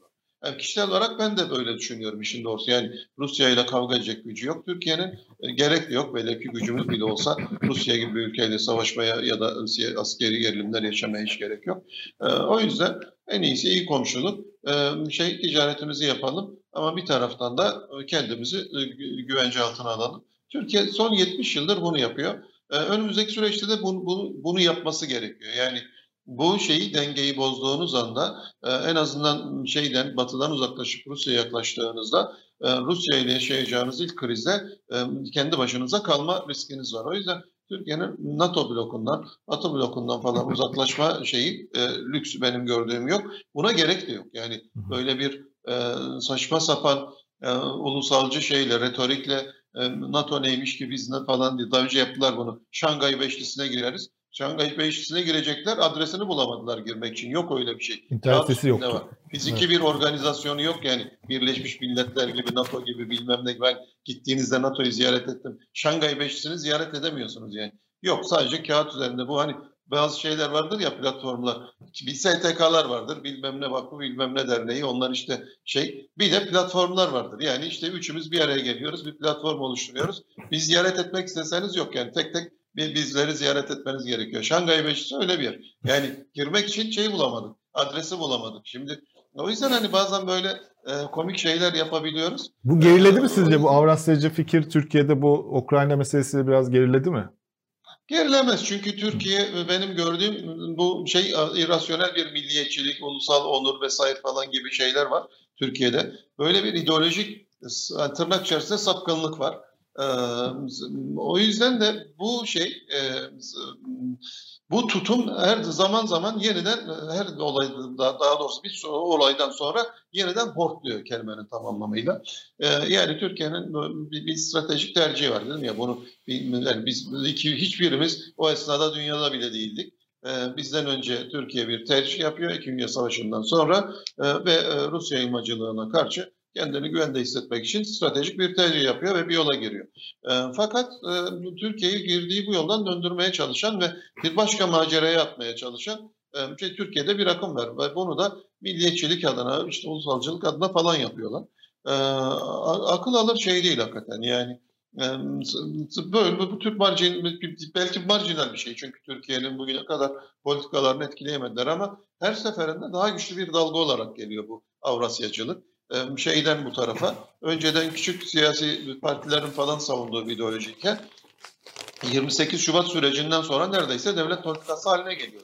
Sonra o 28 Şubat süreci çöktüğü için olmadı ama o, o süreç başarılı olmuş olsaydı Türkiye hakikaten belki e, şey e, daha sonra AK Parti'nin yıllarında da benzer şeyler yaşandı. Batı ile sorun yaşamaya başladığında bir anda bu Avrasyacı ideolojiyi fark ettiler, retoriği fark ettiler ve e, şey işte biz e, Avrupa Birliği'nden yani girmediğimiz Avrupa Birliği'nden referandumla çıkacağız falan gibi öneriler geldi. Yani e, şey NATO'dan da çıkarız. Bizim ihtiyacımız yok dendi. İşte S-400 falan alternatif silah sistemlerine yöneldik. Şangay Beşlisi'nden bahsettik. Ee, işte e, onurlu yalnızlık falan yaptık ikisi de olmayınca. Ee, o yüzden e, benim gördüğüm bu zaman zaman e, bazı şeyin e, yani siyasetçilerin ve e, e, bürokratik elitlerin kafası karışabiliyor. Bu, bu ama damar yani Avrasyacı damar e, eskiden beri var. işte bu milliyetçilikle birleşiyor bazen. Bazen anti-emperyalist söylemlerle birleşiyor. Sonunda popülist retorikler tamamı aslında baktığınızda popülist ve otoriter retorikler ve bunu dış politika üzerinden yeniden inşa etmeye çalışıyor. O yüzden de bu damar bundan sonra da kalmaya devam edecektir yani. Ama Türkiye yani çok şükür ki son 70 yıldır aklı selim davrandı. O devlet aklı orada hata yapmadı. Hatta bu Kıbrıs e, şey e, çıkarması zamanında bizim Batı blokuyla ciddi sorunlar yaşamamıza ambargolar uygulanıyor olmasına rağmen Türkiye o stratejik tercihini değiştirmedi. Yani biz Kıbrıs nedeniyle biz NATO üyesiyiz ama bize Amerika ve Avrupa ambargo uyguluyor. Silah ambargosu onun dışında ticari ambargolar falan.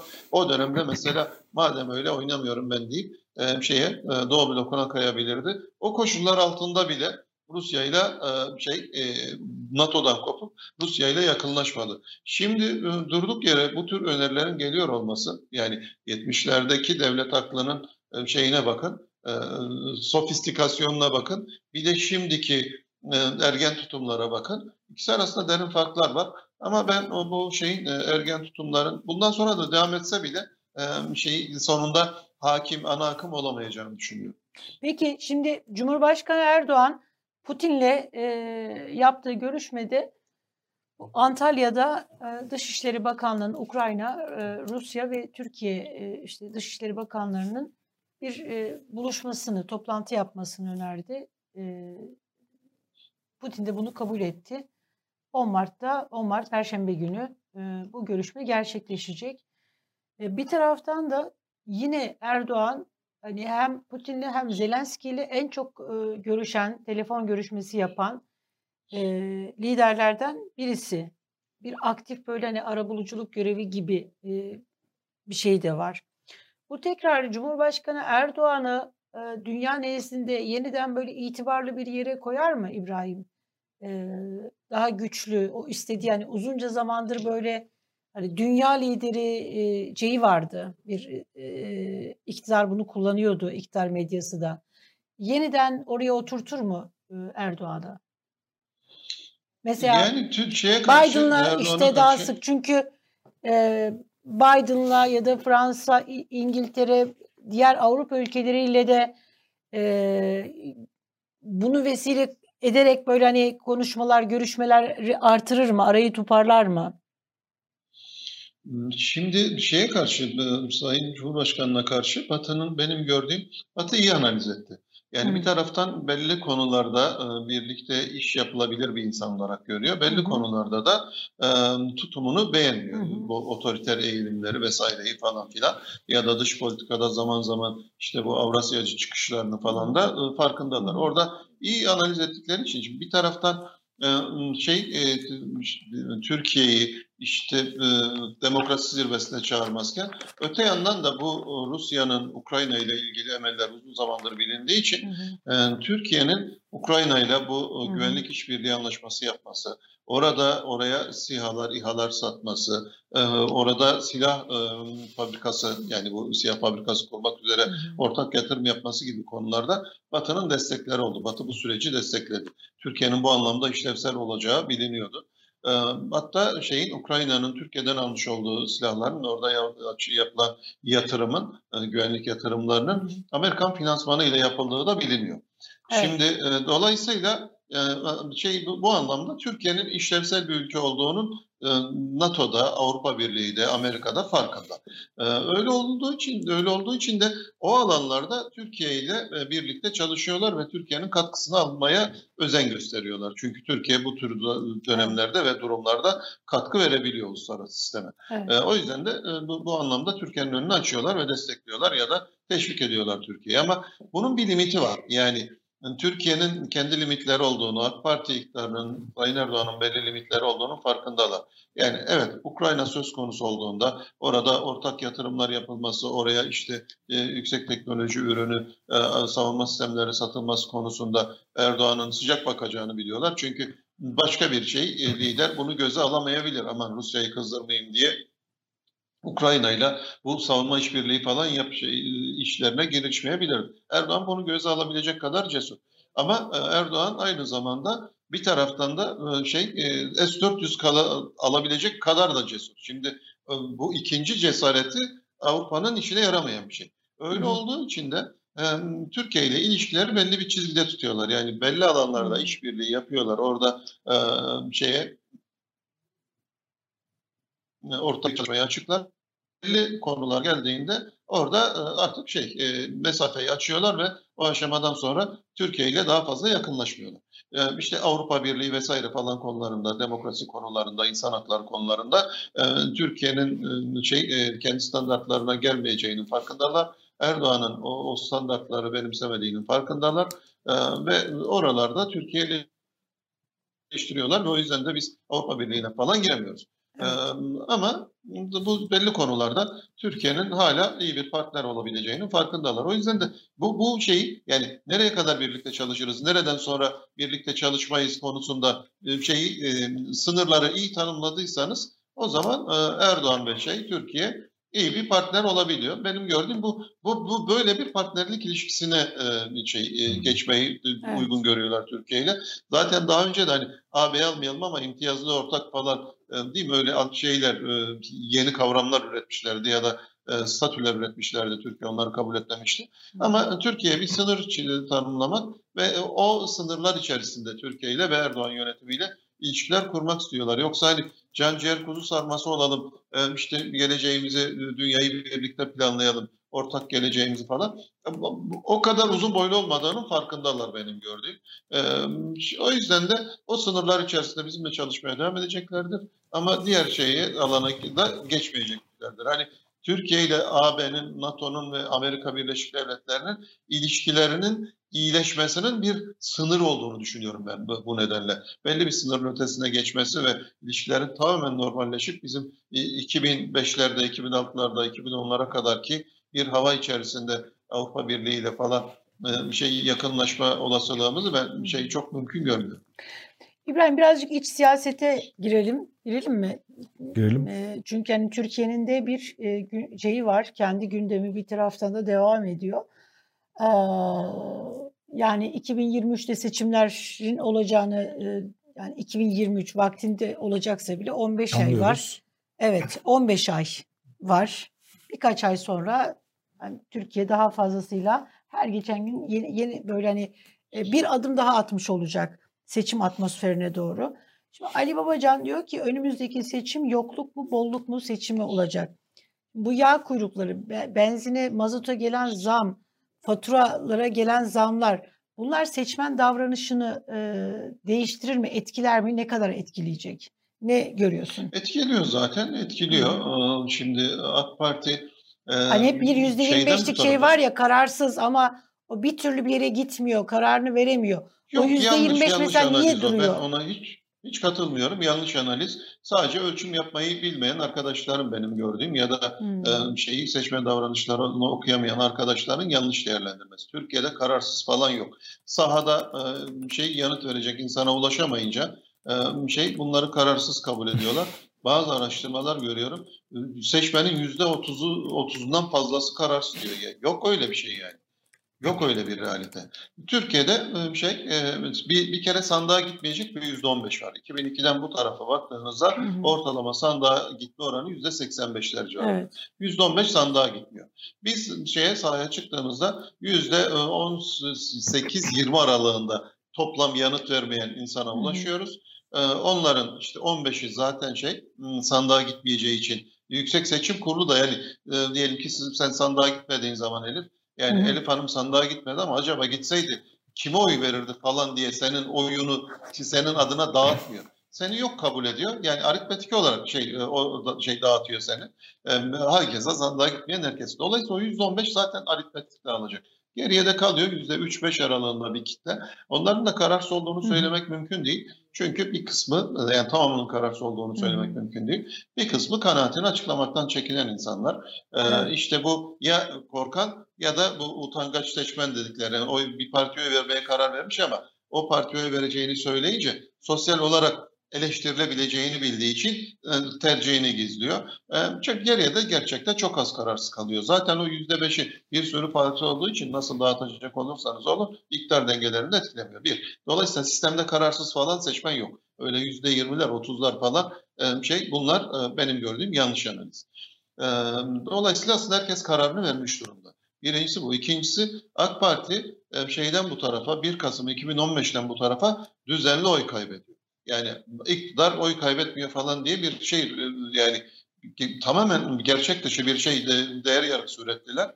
Ee, iktidar oy kaybetmiyor. İktidar oy kaybediyor. İktidar e, %50'lerde başladı 2015'te. Şimdi %30'lar civarında. Dolayısıyla yani 2016'yı baz aldığınızda 6 yılda e, oylarının 20 e, puanını ki dolayısıyla %40'ını kaybetmiş durumda. İkinci realite bu. E, ve AK Parti yukarıya doğru şimdi bir kere hareket yapabildi bu süreç içerisinde. Daha doğrusu iki kere 2016'dan bu tarafa baktığınızda Birincisi 15 Temmuz sonrasında bu işte siyaset biliminde hı hı. bayrak etrafında toplanma etkisi denen şey gerçekleşti. Hı hı. Yani bir ulusal kriz anında iktidarın etrafında toplanma realitesi 15 Temmuz'dan sonra gerçekleşti ama bu konjonktürel bir etki bir süre sonra normale dönüyor çünkü. Nitekim 15 Temmuz'dan bir süre sonra normale döndü. Sonra bir de pandemi süreci içerisinde benzer bir etki gördük. %35-36'lara inmiş AK Parti oyları yeniden 40'lar üzerine çıktı. Sonra tekrar şey süreç uzayınca o da normalize oldu.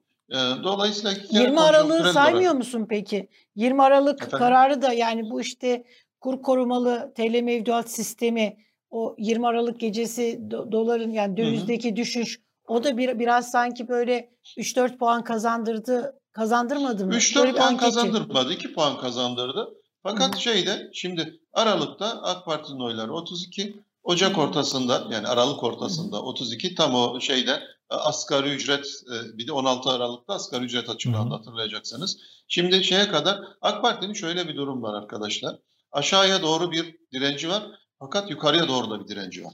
E, bence AK Parti'ye iyi tarif eden şey tablo bu şu an için ve dar bir aralığa sıkışmış durumda. Şimdi Ağustos'tan e, hatta biraz daha geriye gidin Temmuz'dan itibaren e, Türkiye'de bu e, şeyde hani Amerikalıların falan perfect storm dedikleri, kusursuz fırtına dedikleri şey yaşandı. Sedat Peker konuşmaya başladı. Sel felaketi, yangın felaketi, enflasyon, döviz e, şeyleri, atakları falan. E, aralığa geldiğimizde e, Türkiye'de aşağı yukarı yaşanmamış şey kalmamıştı. Bu süreç içerisinde AK Parti en düşük %32'leri falan gördü. Sonra e, Aralık ayının ikinci yarısından itibaren AK Parti karşı hata geçti. Asgari ücret arkasından işte dövize endeksli faiz hesapları vesaire falan. Arkasından emekli zamları, memur zamları falan. E, şimdi Ocak ayı ortalarında araştırmaya çıkıldığında bunların olumlu etkilerini şey e, görmeyi bekliyordum. 2-3 puan aralığında bir şey olumlu etkisi oldu. Yani yukarıya doğru da bir direnç var. Biz aslında 32'den 34'e yükseldiğini gördük. 3 puan bile değil. Bazı şirketler 34'lerin üzerine çıktı. Fakat bunlar tahmin farkı olacağı için istatistiksel olarak anlamlı değil. 2 puan arttı. Sonra e, şey e, kısa bir süre içerisinde tekrar o 2 puan bu e, şeylerle elektrik faturaları vesaireler falan geldikçe doğalgaz faturaları insanlar bu sefer tersine tepki verdiler 34'e çıkan rakam e, destek yeniden 32'ye geri düştü. Şimdi e, bu Mart ayı içerisinde şeyi göreceğiz. Yani o biriken e, şeylerin uzun artık çünkü enflasyon yüzdelerin üzerine oturmuş durumda. İlk ay elektrik paranızı ödeyecek para belki birikiminiz vardı. Hadi borç aldınız bir şey yaptınız. İkinci fatura geliyor, üçüncü fatura geliyor. Dolayısıyla bu yüksek faturalar e, şey e, arttıkça insanların mutsuzlukları da artacak. Çünkü bir taraftan da enflasyonda yani şey de e, en iyi durumda oldukları ay Ocak ayıydı. Çünkü zamlı maaşlar almışlardı. Şubat'ta enflasyonla onun gelirlerinin bir kısmı aşındı. Mart'ta bir kısmı daha aşınacak. Dolayısıyla bu gün geçtikçe yüksek enflasyon biliyorsunuz e, şeyde yaz başından itibaren enflasyon şey dip yapacaktı. yıl sonuna doğru da tek haneli enflasyonlar görecektik. Şimdi e, şey e, hükümet ağız değiştirdi ve yıl sonuna doğru enflasyonun düşmeye başlayacağını tahmin etmeye başladılar. Yazın düşecek enflasyon şeye sarktı. Niye? Çünkü döviz gelirleri olmayacak yazın. E, işte şey e, turistler gelmeyecek vesaire falan o gelir kayıpları yeniden e, şey enflasyonun e, düşme eğiliminden tehir edecek e, falan e, şeklinde beklentiler var. O yüzden de AK Parti yukarıya doğru artmıyor. Aşağıya doğru bir direnç var. E, ama aşağıya doğru dirence baktığınızda o ne kadar güvenilir bir direnç AK Parti açısından bence esas kritik soru da orada. Çünkü AK Parti'ye oy veren iki seçmenden birinin majör mutsuzlukları var.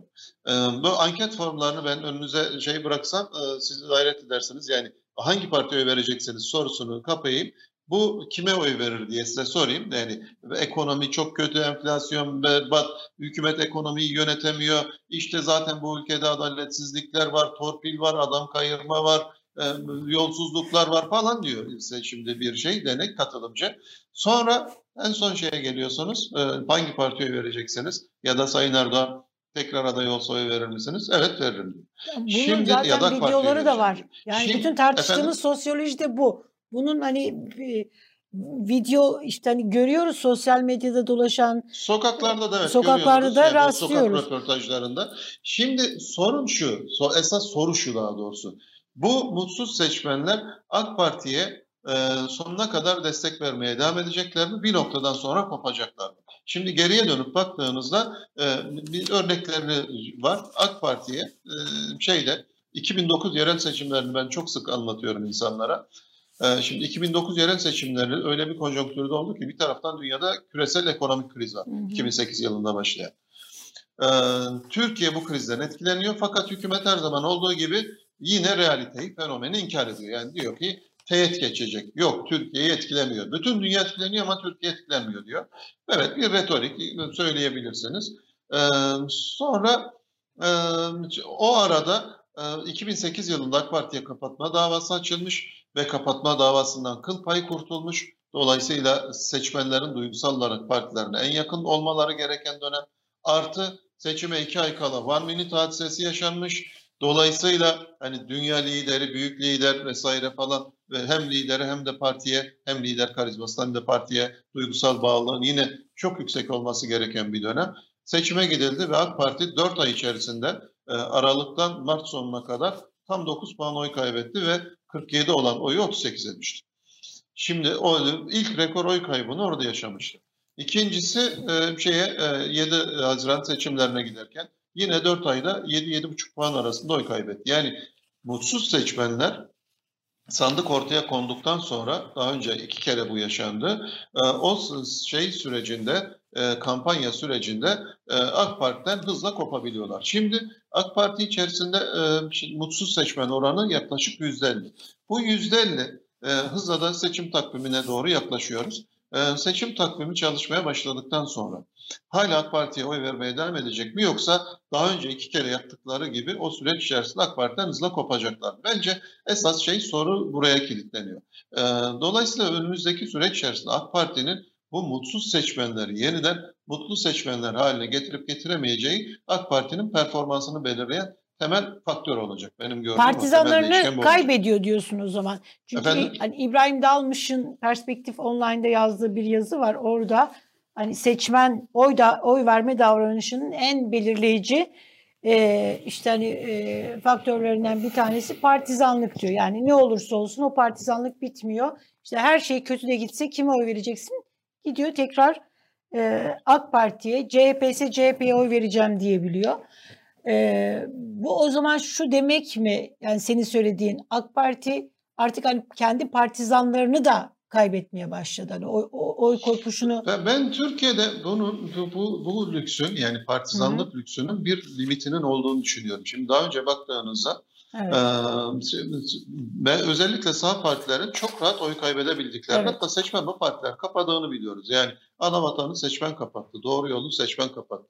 Baraj altında bıraktı. Yani muhalefetteki partiyi baraj altında bırakmak nedir Allah aşkına yani? Böyle bir şey olabilir mi? Yaptı ama seçmen yani.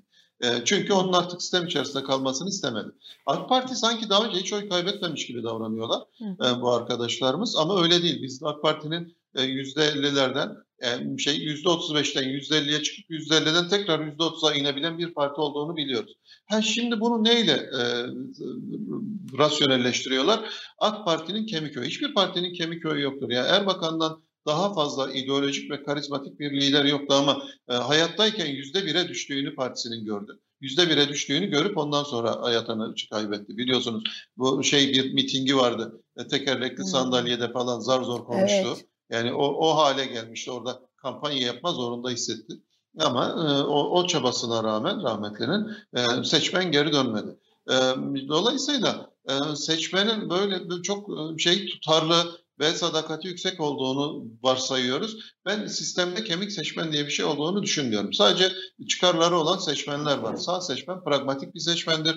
İhtiyaçları vardır. Kötü bir şey anlamında söylemiyorum bu pragmatizmi. Siyasetten beklentiler vardır. O beklentiler tatmin edildiği zaman oy vermeye devam eder. Beklentilerini tatmin edemeyeceğini, bunu artık e, yönetmesinin mümkün olmadığını hissettiği anda da her türlü partiyi terk edip başka bir partiye geçebiliriz. Sağ seçmen bunu 2002'den bu tarafa e, çok defa yaptı.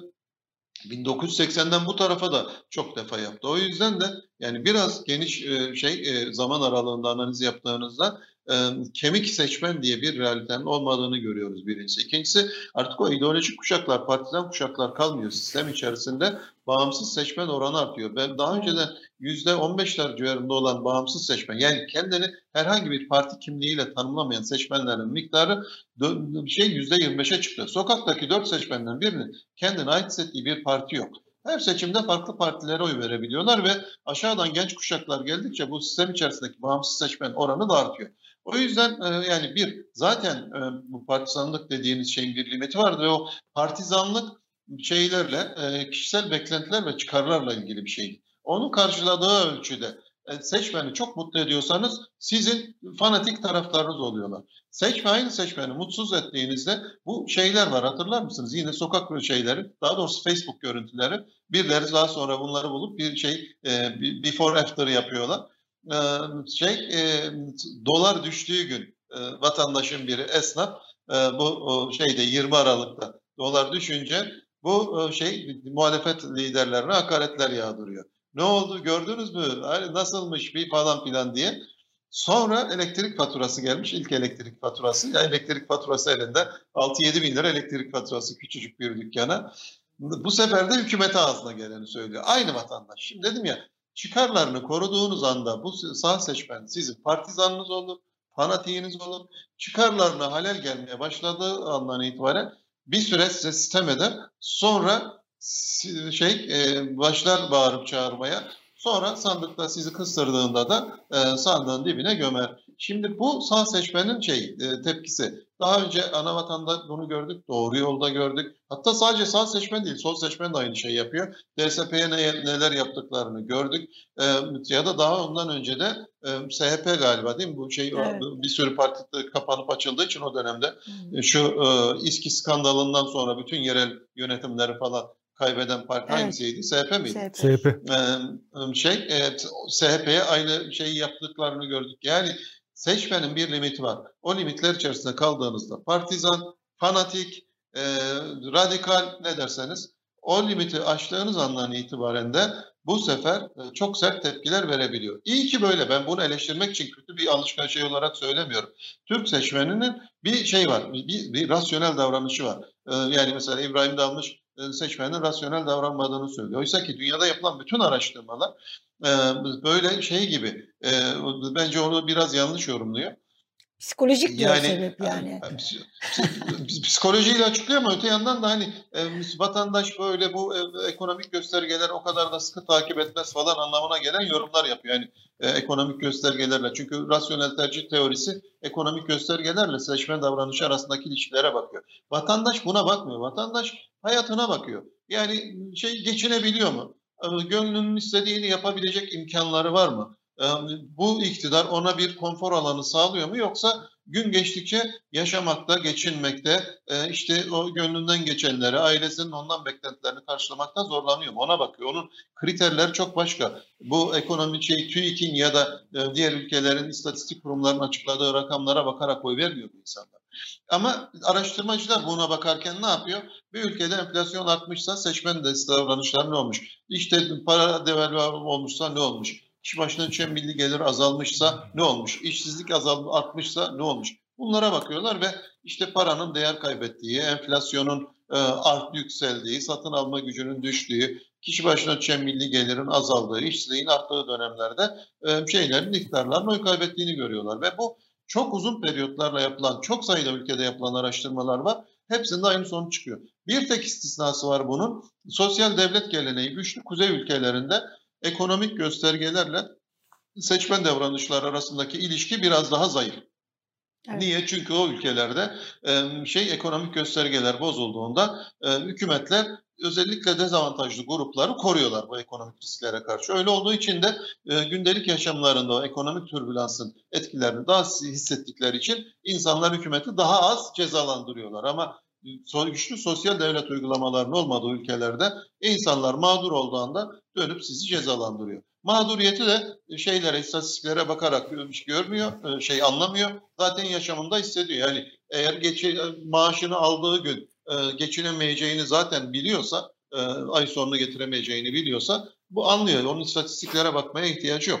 O yüzden bu seçmen rasyonel falan belki bu rasyonel değil. Ama canı yandığı anda sizden vazgeçiyor. O belki şey yani e, Türk tipi bir biçimde bu şeyi yorumlayabiliriz. Teoriyi yorumlayabiliriz. Seçmenin canı yandığı anda canını yakan hükümetleri cezalandırıyor. Psikolojik Bu canının yanması birkaç veriyor. şekilde olabiliyor. Yani işte ekonomik olabiliyor, sosyal olabiliyor, özgürlükler olabiliyor, toplumsal adaletsizlikler olabiliyor ama vatandaş memnuniyetsizliği yükselirse hükümetler oy alamıyor. AK Parti için de böyle oldu. Bu bir şey siyasetin hani kaçınılmaz mekanizmalarından biri. Yani yer çekimi kanunu kadar net olmayabilir ama siyasetin kanunlarından biri. Vatandaş memnuniyeti azaldığında vatandaş mutsuzluğu yükseldiğinde e, hükümeti cezalandırıyor. Bu şekilde yorumlamak evet. lazım. Vatandaş memnuniyetsizliği de tavan yapmıştır. Peki. Bir şey İbrahim, ben ha, buyur.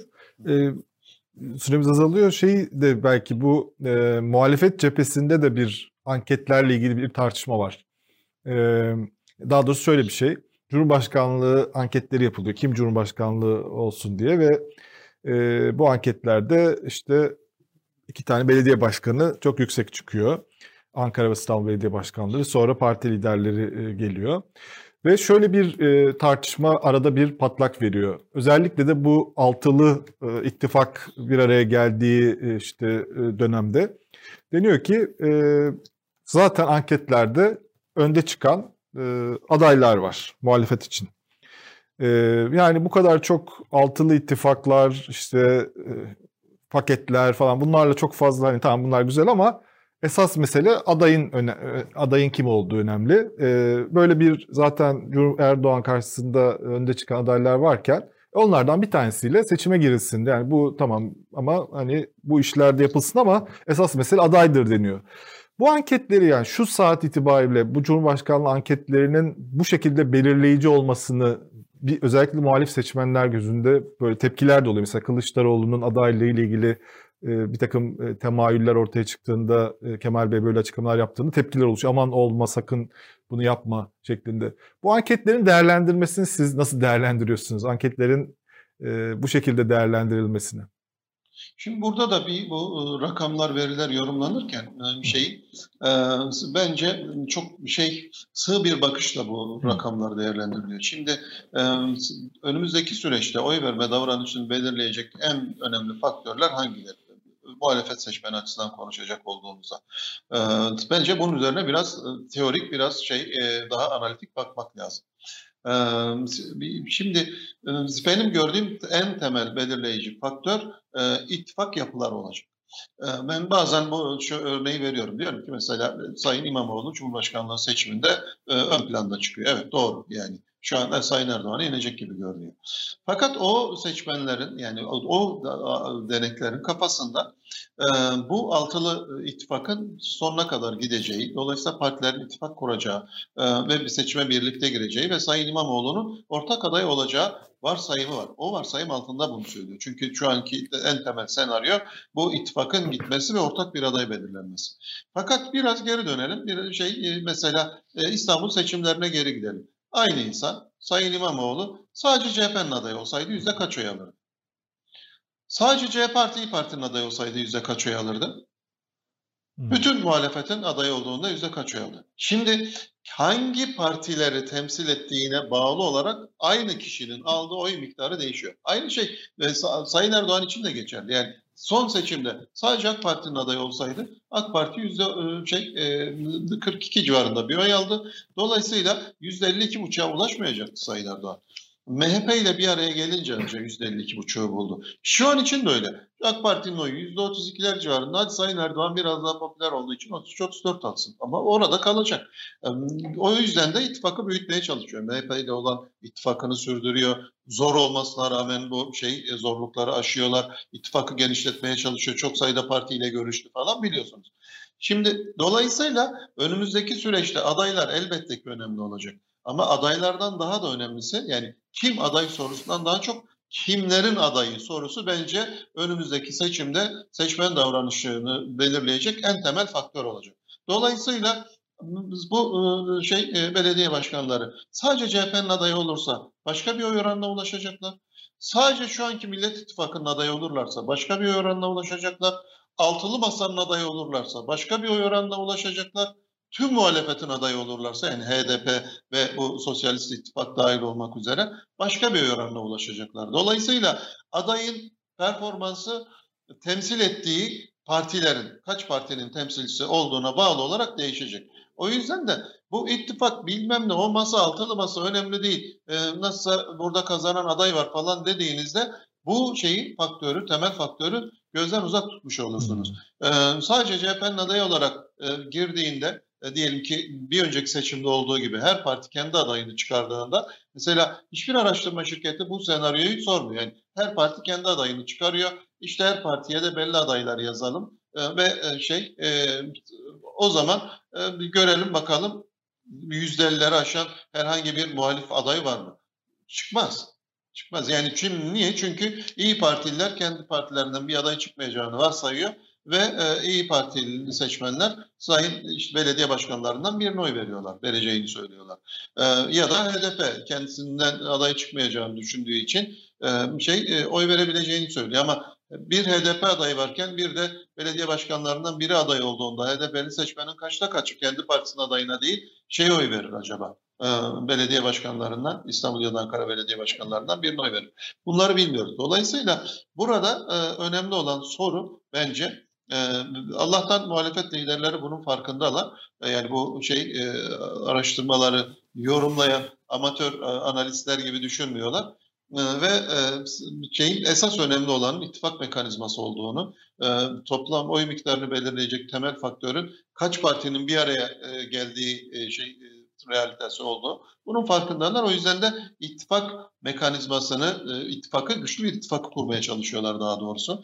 Bu altılı masa falan o açıdan çok önemli. Sen bugün altılı mas altılı bugün, masanın olmadığı ha. bir durumda ben muhalefetten herhangi birinin e, yüzdelilere ulaşabilecek o, oya e, şey, oy oranına gelmesini mümkün görmüyorum. Bunu açıkça söylemek lazım. Bugün Perspektif Online'da e, muhalefet altılı masaya karşı diye bir yeni yazım var. Evet. Ee, önemli değerlendirmeler yani tespitlerde bulunmuşsun. Yani e, evet bir altılı masa var. Bu Türkiye'ye umut da verdi ama bu altılı masa yani altı liderin oturduğu masayla yuvarlak masayla e, uğraşan ya da hani buna işte altı liderin, altı partinin sadece böyle hani mücadele e, Cumhur İttifakı ve Cumhur İttifakı'na yakın medyaya karşı değil, muhalefet medyası ve kanaat önderleriyle de uğraşmak hmm. zorunda kalacaklar demişsin. Ee, burada benim aklıma hemen şey geldi işte Atatürkçü Düşünce Derneği mesela bu e, mutabakat metnine karşı bir e, bildiri gibi bir şey yayınladılar. E, muhalefete yakın medya organlarında çok böyle ağır eleştiri yazıları çıktı. Hala hani dağıldı dağılıyor başka şeyler de. Buradaki sebebi e, ne olarak görüyorsun? Yani yaptığın tespitler var senin. Bunu bizim izleyicilerimiz için anlatır mısın? Tabii yani işte senin de belirttiğin gibi şeyden aslında 12 Şubat'taki toplantı öncesi hı hı. ve sonrasında da bu 28 Şubat toplantısı öncesi ve sonrasında da bu altılı masayı ve yürüyen süreci küçük düşüren, önemsizleştiren ve haksız biçimde eleştiren çok sayıda yazı çıktı ve bunların tamamı muhalefet medyasından çıktı. Benim gördüğüm evet. altılı masaya karşı özellikle şey e, muhalefetin sol tarafında e, bir şey var. E, Mutsuzluk bir, var. Bir alerji var. Evet. Bir alerji var. Evet. Bu birkaç nedenden kaynaklanıyor olabilir. O işte ben onları tartışmaya Sağ empatisi demişsin. Ekmelettin Evet, İhsanoğlu antipatisi. evet Antipatisi. antipatisi Sağ pardon antipatisi. sağ antipatisi Ekmelettin İhsanoğlu sendromu e, ve altılı masayı baskı altına alma. Evet. Ee, şimdi bu bu üç nedenden biri, şey, bu bu üç nedenin etkili olduğunu ben düşünüyorum. Bir evet bu şeyde e, daha önce de bu sağ antipatisini e, bu 2018 seçimlerinde görmüştük. Orada da bir ittifaktan, ortak adaydan bahsedildi. Hatta Sayın Abdullah Gül'ün ismi ön plana çıktı. Şimdi CHP'nin tek başına bir adayı, hangi adayı gösterirse göstersin ikinci tura kalamayacağı çok net bir biçimde belliyken e, bu şey, bu, bu e, kanaat önderleri grubu ve medya grubu e, CHP'yi buna zorladı. CHP üzerinde baskı kurdu. CHP kendi içerisinden bir adayı çıkardı ve e, ikinci tura kalamadı. İkinci turun çok gerisindeydi yani üstüne üstlük. E, Sayın Erdoğan'dan 20 puandan fazla fark yiyerek Hı hı. e, şey e, seçimi tamamlamış oldu CHP bildiğiniz gibi e, Cumhurbaşkanlığı seçiminde. E, dolayısıyla her partinin e, kendi adayıyla gi- girdiği sen şeyin e, modelin, senaryonun nasıl sonuçlar doğurduğunu biliyoruz. Ben biraz önce Yıldıray'ın sorusuna o yüzden o cevap verdim. Yani e, yeniden CHP tek başına aday göstersin, kime aday gösterirse göstersin. Bu sefer %30 almaz, sempatisi daha yüksek olduğu için %35'e çıkar ama e, şey yarışı kazanacak bir aday çıkmaz. Tek bir partinin adayı, tek bir partiyi temsil ettiği sürece hiçbir şeyin adayın şansı yok. Bunu açıkça belirtmek lazım. Burada önemli olan o yüzden ittifakın bizatihi kendisi. Ama bu arkadaşlar e, sağ partilerin mesela şey ilk altılı masa toplandığında e, niye burada e, HDP yok, niye tip yok, niye TKP yok e, falan şeklinde eleştiriler oldu. Masa tamamen sağ partilerden oluşuyor CHP dışında. CHP de sol değil zaten. E, bu, bu sadece bir ittifak var karşımızda falan Evet. şeklinde eleştiriler oldu. Şimdi e, İyi Parti'yi işte TKP ile aynı masaya, HDP ile aynı masaya otur demek e, aslında masayı dağıtın demek. Benim gördüğüm e, böyle bir gizli şey var. Yani o masanın bizatihi kendisine ve orada sağ partilerin çoğunlukta olması en azından adet olarak, parti adeti olarak çoğunlukta olması e, bazı bu sol e, muhalif yazarlarda bir alerji yaratıyor.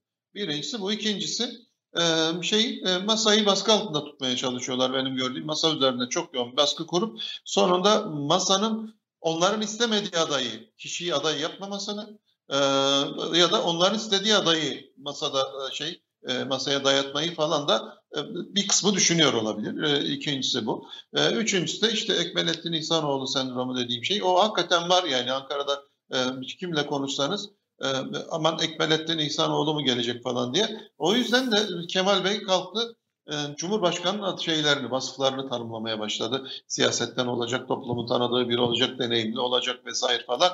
Yani böyle siyaset dışında biri olmayacağını anlatmak için. Sonra Meral Hanım hala eleştirilerin gel şey kesilmediğini görünce yani Ekmelettin İhsanoğlu sendromunun çalışmaya devam ettiğini görünce yeni bir madde daha ekledi Sayın Kılıçdaroğlu'nun listesine aday seçimi kazanacak e, şey e, adayla yarışa gireceğiz diye. E, benim gördüğüm bu bile hala rahatlatmadı. Yani bütün vasıflar, sayılan vasıflar Sayın İhsanoğlu'nda olmayan vasıflar. Sayın Kılıçdaroğlu'nun açıkladıkları. Sayın Akşener'in eklediği işte seçimi kazanma kriteri de yine e, Sayın İhsanoğlu'nda olmayan bir kriter.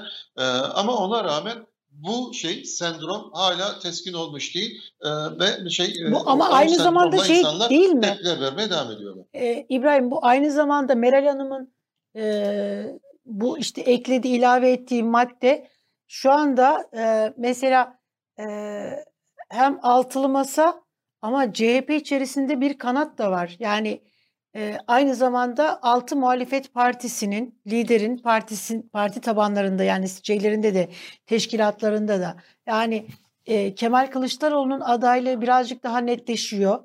Her ne kadar resmi olarak adını koymamış olsa da ama bir tarafta da çok böyle bariz bir şekilde bir şey var. Ekrem İmamoğlu aday olsun diyen yani bunu mesela medyada e, taraftarları var.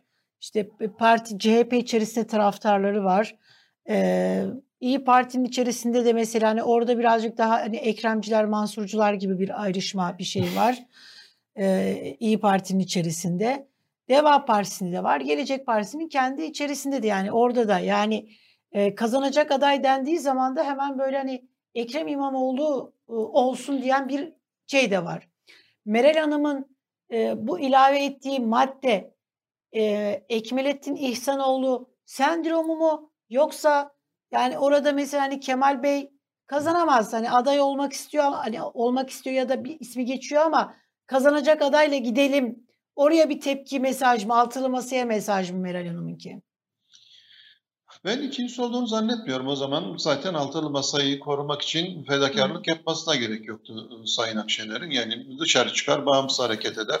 CHP'ye de benim istediğim adayı gösterirsen destek veririm derdi. Çok konforlu olurdu. Ama öyle yapmıyor. Yani o masayı ıı, bir arada tutabilmek için ciddi bir sinir harbi veriyor aynı zamanda İyi Parti kanatlar. Niye? Çünkü işte şey yani bir, ıı, uzun zamandır iktidar tarafından bir taraftan önce şey e, eleştirildi, sonra e, terörize edildi, sonra e, işte şeytanlaştırıldı falan artık terör işbirlikçisi parti falan şeyine eleştirilerine maruz kalıyor bildiğiniz gibi.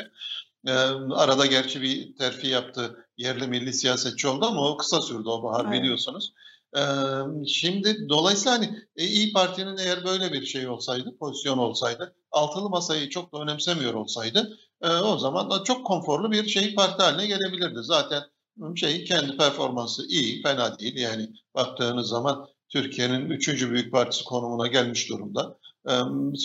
Şey dışarıdan desteklerim diye bir şey de yapabilirdi. Seçmeni ve CHP'yi rahatlatacak açıklama da yapardı. Yoluna giderdi. Öyle yapmadı ama. En zor olan yolu seçti ve o altılı masayı bir arada tutmaya çalışıyor. Ve kendi egosundan da vazgeçti aslında. Yani şeyden Hani lider aday olmayacağım dedi. Başbakanım dedi. Bir lider açısından e, partisinde bunu yapabilmesi çok zor şey. Yani, yani çok İyi Parti altılı evet. masayı bir arada tutmak için büyük fedakarlıklara katlanıyor. Dolayısıyla bence İyi Parti'nin önceliği de diğer liderlerin önceliği de masayı bir arada tutmak. Niye masayı bir arada tutmaya çalışıyorlar? Bu metafizik bir şey değil yani. Bahsettiğim nedenden dolayı şeyin e, Cumhurbaşkanlığındaki aday kim olursa olsun performansı hangi partiyi temsil ettiğine bağlı olarak değişiyor. Şimdi Sayın İhsanoğlu'nu çok eleştiriyorlar e, ama o dönemde Sayın İhsanoğlu biliyorsunuz CHP ve MHP'nin ortak adayıydı. İki partinin toplam oyu 38, Sayın İhsanoğlu 38 almış.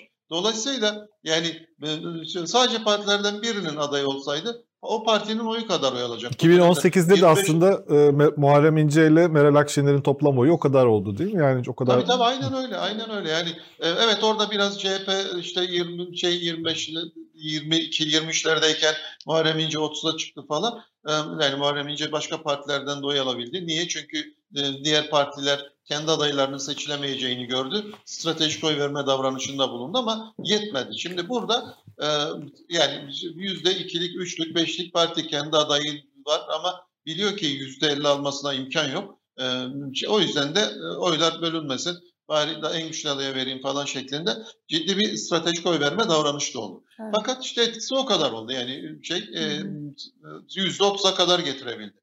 Şimdi o yüzden de masa yoksa hiçbir aday rekabet edemiyor. E, masa varsa bu ittifaklar mekanizması böyle bir sonuç doğurdu. O zaman çok güçlü biçimde rekabet edebiliyorsunuz. Son İstanbul seçimlerinde dedim ya simülasyonu oradan yapalım. Evet. Sadece CHP'nin adayı olsaydı Sayın İmamoğlu kaç oy alırdı?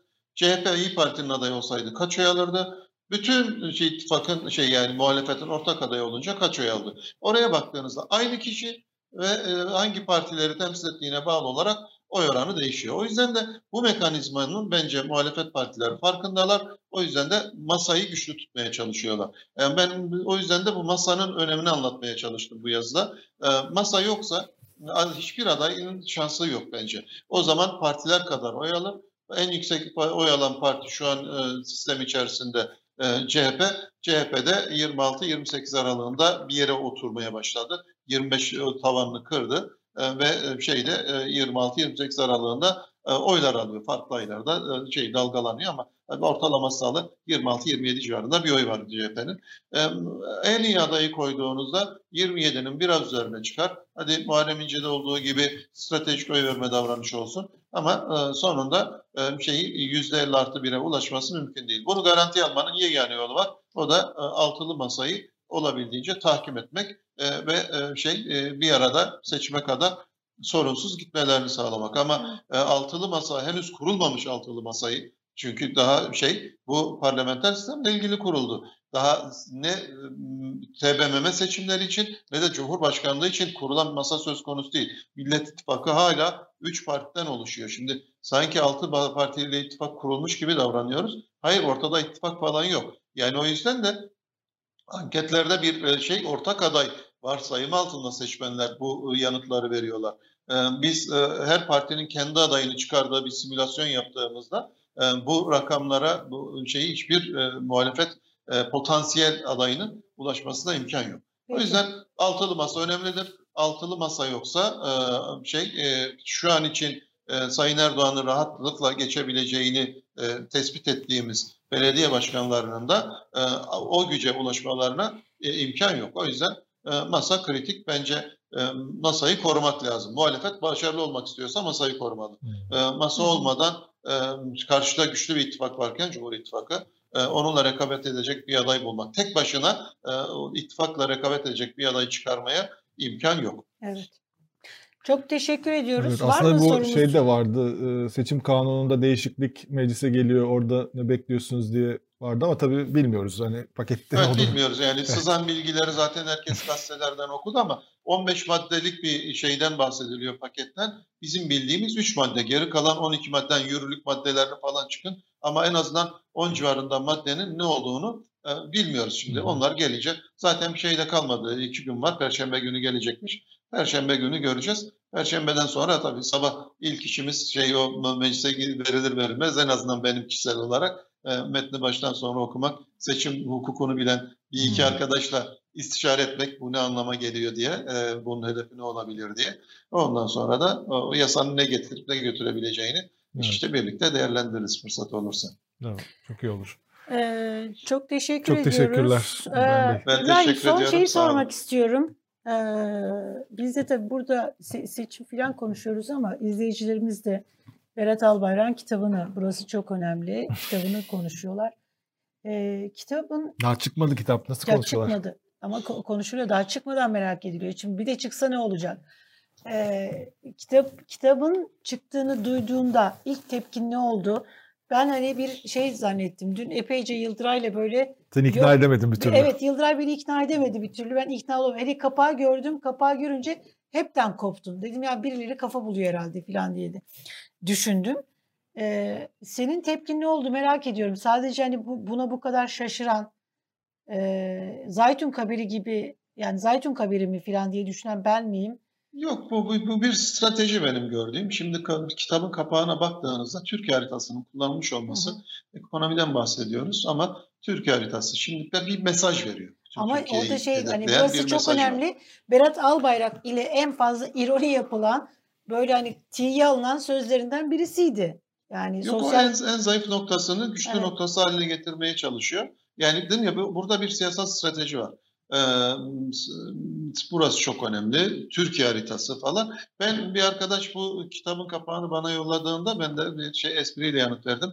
Dönüşüm muhteşem olacak diye yazdım. Benim gördüğüm bu bir dönüş şeyi, hmm. hazırlığı, öyle dönüş mi? çalışması. Ben ben öyle değerlendirdim. Yani bunu o yüzden kitabın içeriğinden bağımsız olarak e, ben ben ben, ben kitabın bir şey olduğunu yani taktiklerden biri olduğunu ya da enstrümanlardan biri olduğunu düşünüyorum. Bu bir geri dönüş sinyaldir. Yani ben buradayım. Türkiye haritası hedefim Türkiye iddialarımdan vazgeçmiş değilim falan hmm. Şeklinde bence bir şey var. Mesaj dönüş derken, şey dönüş derken bakanlık falan yeniden kabine değil mi yani? Siyasete geri dönecek ama şey hangi pozisyonda olacağı çok da önemli değil. Siyasette de aktif olarak geri döndükten sonra bugün kabine olur, yarın başka bir şey olur. Onu bilmiyorum yani. Ama yani kafasında nasıl bir kariyer planı var kendisi için onu bilmemize olanak yok. Fakat bu benim bir geri dönüş sinyalidir. Ve bu sefer çok daha e, güçlü biçimde döneceğim ve hedefim Türkiye, tüm Türkiye diyor. E, ben böyle yorumladım. Hani e, ilk yorumum ne dersen buydu. Kitabın içeriğinde sadece ekonomi olabilir ya da kendi yapmış olduğu işlerin ne kadar özel ve güzel işler olduğu, doğru işler olduğu da olabilir. Önemli değil. O ayrı bir tartışma ama bu kitap yazmış olması, buna böyle bir lansman yapılıyor olması e, falan gündeme şu yoğun gündemde gündeme giriyor olması bence e, bir şey geri dönüş iradesidir, sinyalidir. Tabii. Dönmeyi başarır başaramaz ayrı bir şey ama Sayın Albayrak'ta geri dönmek konusunda bir irade olduğu, bir kanaat olduğu, bir niyet olduğu şeyini ben çıkardım, sonucunu çıkardım Tabii, bu şeyden, önemli. bu girişimden. Evet, burası çok önemli gerçekten. E, çünkü istifa haberini e, yani kendi abisinin başında bulunduğu medya e, Berat Bey'in istifa haberini verememişti. Burası çok önemli. Şimdi mesela bu kitap Turkaz Medya'dan çıkıyor, yayınlanıyor. Yayıncısı burası. Hı hı. Yani Evet. evet. Derin anlamlar, derin şeyler. Derin anlamlar. Normal yani. yani derinden ben bir siyasetçi siyasete geri dönmek ister aslında. Hani evet. ama de bir şey yapıyor yani. Gencecik bir şeyde yaşta siyasette bir anda çok büyük bir yani süper bakan konumuna yükselmişsiniz. Sonrasında bir anda şey siyasetin ve toplumsal hayatın dışına çıkmak zorunda kalmışsınız. E, bir süre sonra artık ben niye bu hale düştüm ki yani ben şey ne yaptım ben geri döneyim falan diye düşünebilirsiniz. Bence hı hı. normal bir insan ve siyasetçi evet. tepkisi. Ya. Ama hani şey geri kalan hayatını balık avlayarak çocuklarıyla bisiklet sürerek geçirmeyecek. Öyle anlaşılıyor. Ve siyasete geri dönme niyeti var. Ha, bu çok büyük bir tespitte bulunmuyorum. Yani bir siyasetçi açısından o kadar insani ve normal bir tepki ki. Ama bu bunu öyle yorumlamak lazım. Yani artık yazar olayım ben de Ahmet Altan gibi çok satan, Orhan Pamuk gibi çok satan bir yazar olayım. Ahmet Altan'ın kitaplarına böyle e, şeyler, PR'lar yapılırdı hatırlar mısınız? Hapse girmeden önce o romanları falan için. Bir billboardlara falan çıkardı. Benim gördüğüm billboardlara ilk çıkan yazar şeydi, e, Ahmet Altan'dı. E şimdi böyle bir şey, PR faaliyeti yapılıyor. Bu ya bundan sonra e, şey e, çok satan bir yazar olmayı hedefliyor diye yorumlayacağız bu tutumunu ya da siyasi emeller var diyeceğiz. Bir siyasetçinin siyasi hedeflerinin olmasından daha normal bir şey de olamaz. Siyasete geri dönecek. Hangi pozisyonda döner, nerede döner, dönmeyi arzu ettiği yerde dönmeyi başarır mı? Onlar süreç içerisinde birlikte gözlemler. Ama bu bir geri dönüş iradesinin ilanıdır bence. Evet. Valla ben merakla bekliyorum kitabı ve hayal kırıklığına uğramamayı da e, temenni ediyorum. Kendi şahsım, kendi şeyim adına. Böyle mesela at izi it izine nerede karıştı, hak batıl ile nasıl birbirine karıştı bunların hepsini Allah son, sonumuzu hayır eylesin dedi. Bu işte hani bir yıllık süreçte neler oldu, ne gördü filan bunları e, okumayı düşünüyorum. Hani bir e, e, ekonomi kitabı e, beklemiyorum kendisinden. Yani burası çok önemli. Yazılmış artık kitap. Efendim? Kitap yazılmış artık. Bunu senin yani bilmiyoruz işte. Beklentilerin önemli değil. evet, çok Peki, teşekkürler. Çok teşekkürler çok sağ olun. İbrahim. İyi ki katıldın programımıza. Sağ olun. Çok teşekkür ederim. Kolay gelsin. İlk fırsatta tekrar görüşmek dileğiyle. İnşallah. Tabii ki. Çok isteriz. Evet. Ee, Yıldıray. Evet uzattık bugün bayağı. Bugün bayağı uzattık ama konu önemli. Burası çok önemliydi. O yüzden böyle hani önemliydi. Ya bu arada Amerikalı bilim adamları 60 yıl boyunca bir incelemede bulunmuşlar. Bunlar hmm. işleri güçleri yok herhalde. Şaka tabii ki. Ve şu bizim şey var ya kötü insan çok yaşar, hmm. kötüler çok yaşar filan.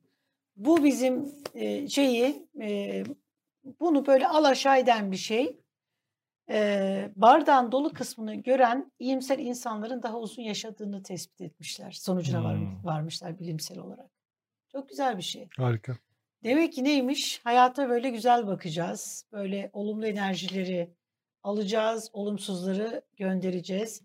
Demek ki sadece böyle kötü insanlar değil, iyi insanlar da uzun yaşıyormuş. Ee, güzel bir araştırma. Ben çok sevdim. Hı hı. Mutlu olmamız gerekiyor. Yıldıray biz... Mutluyum böyle... şu an gördüğüm evet, özümüzde iyi insanlarız. evet. evet. Yarın tekrar biz buradayız Yıldıray ile beraber. Ee, konuğumuz Serkan Özcan olacak. Ee, işin ekonomik boyutlarını e, konuşacağız. Ee, ekranlarınızın başında olursanız seviniriz. Tabii kanalımıza abone de olursanız çok mutlu oluruz. Görüşünceye kadar kendinize iyi bakınız.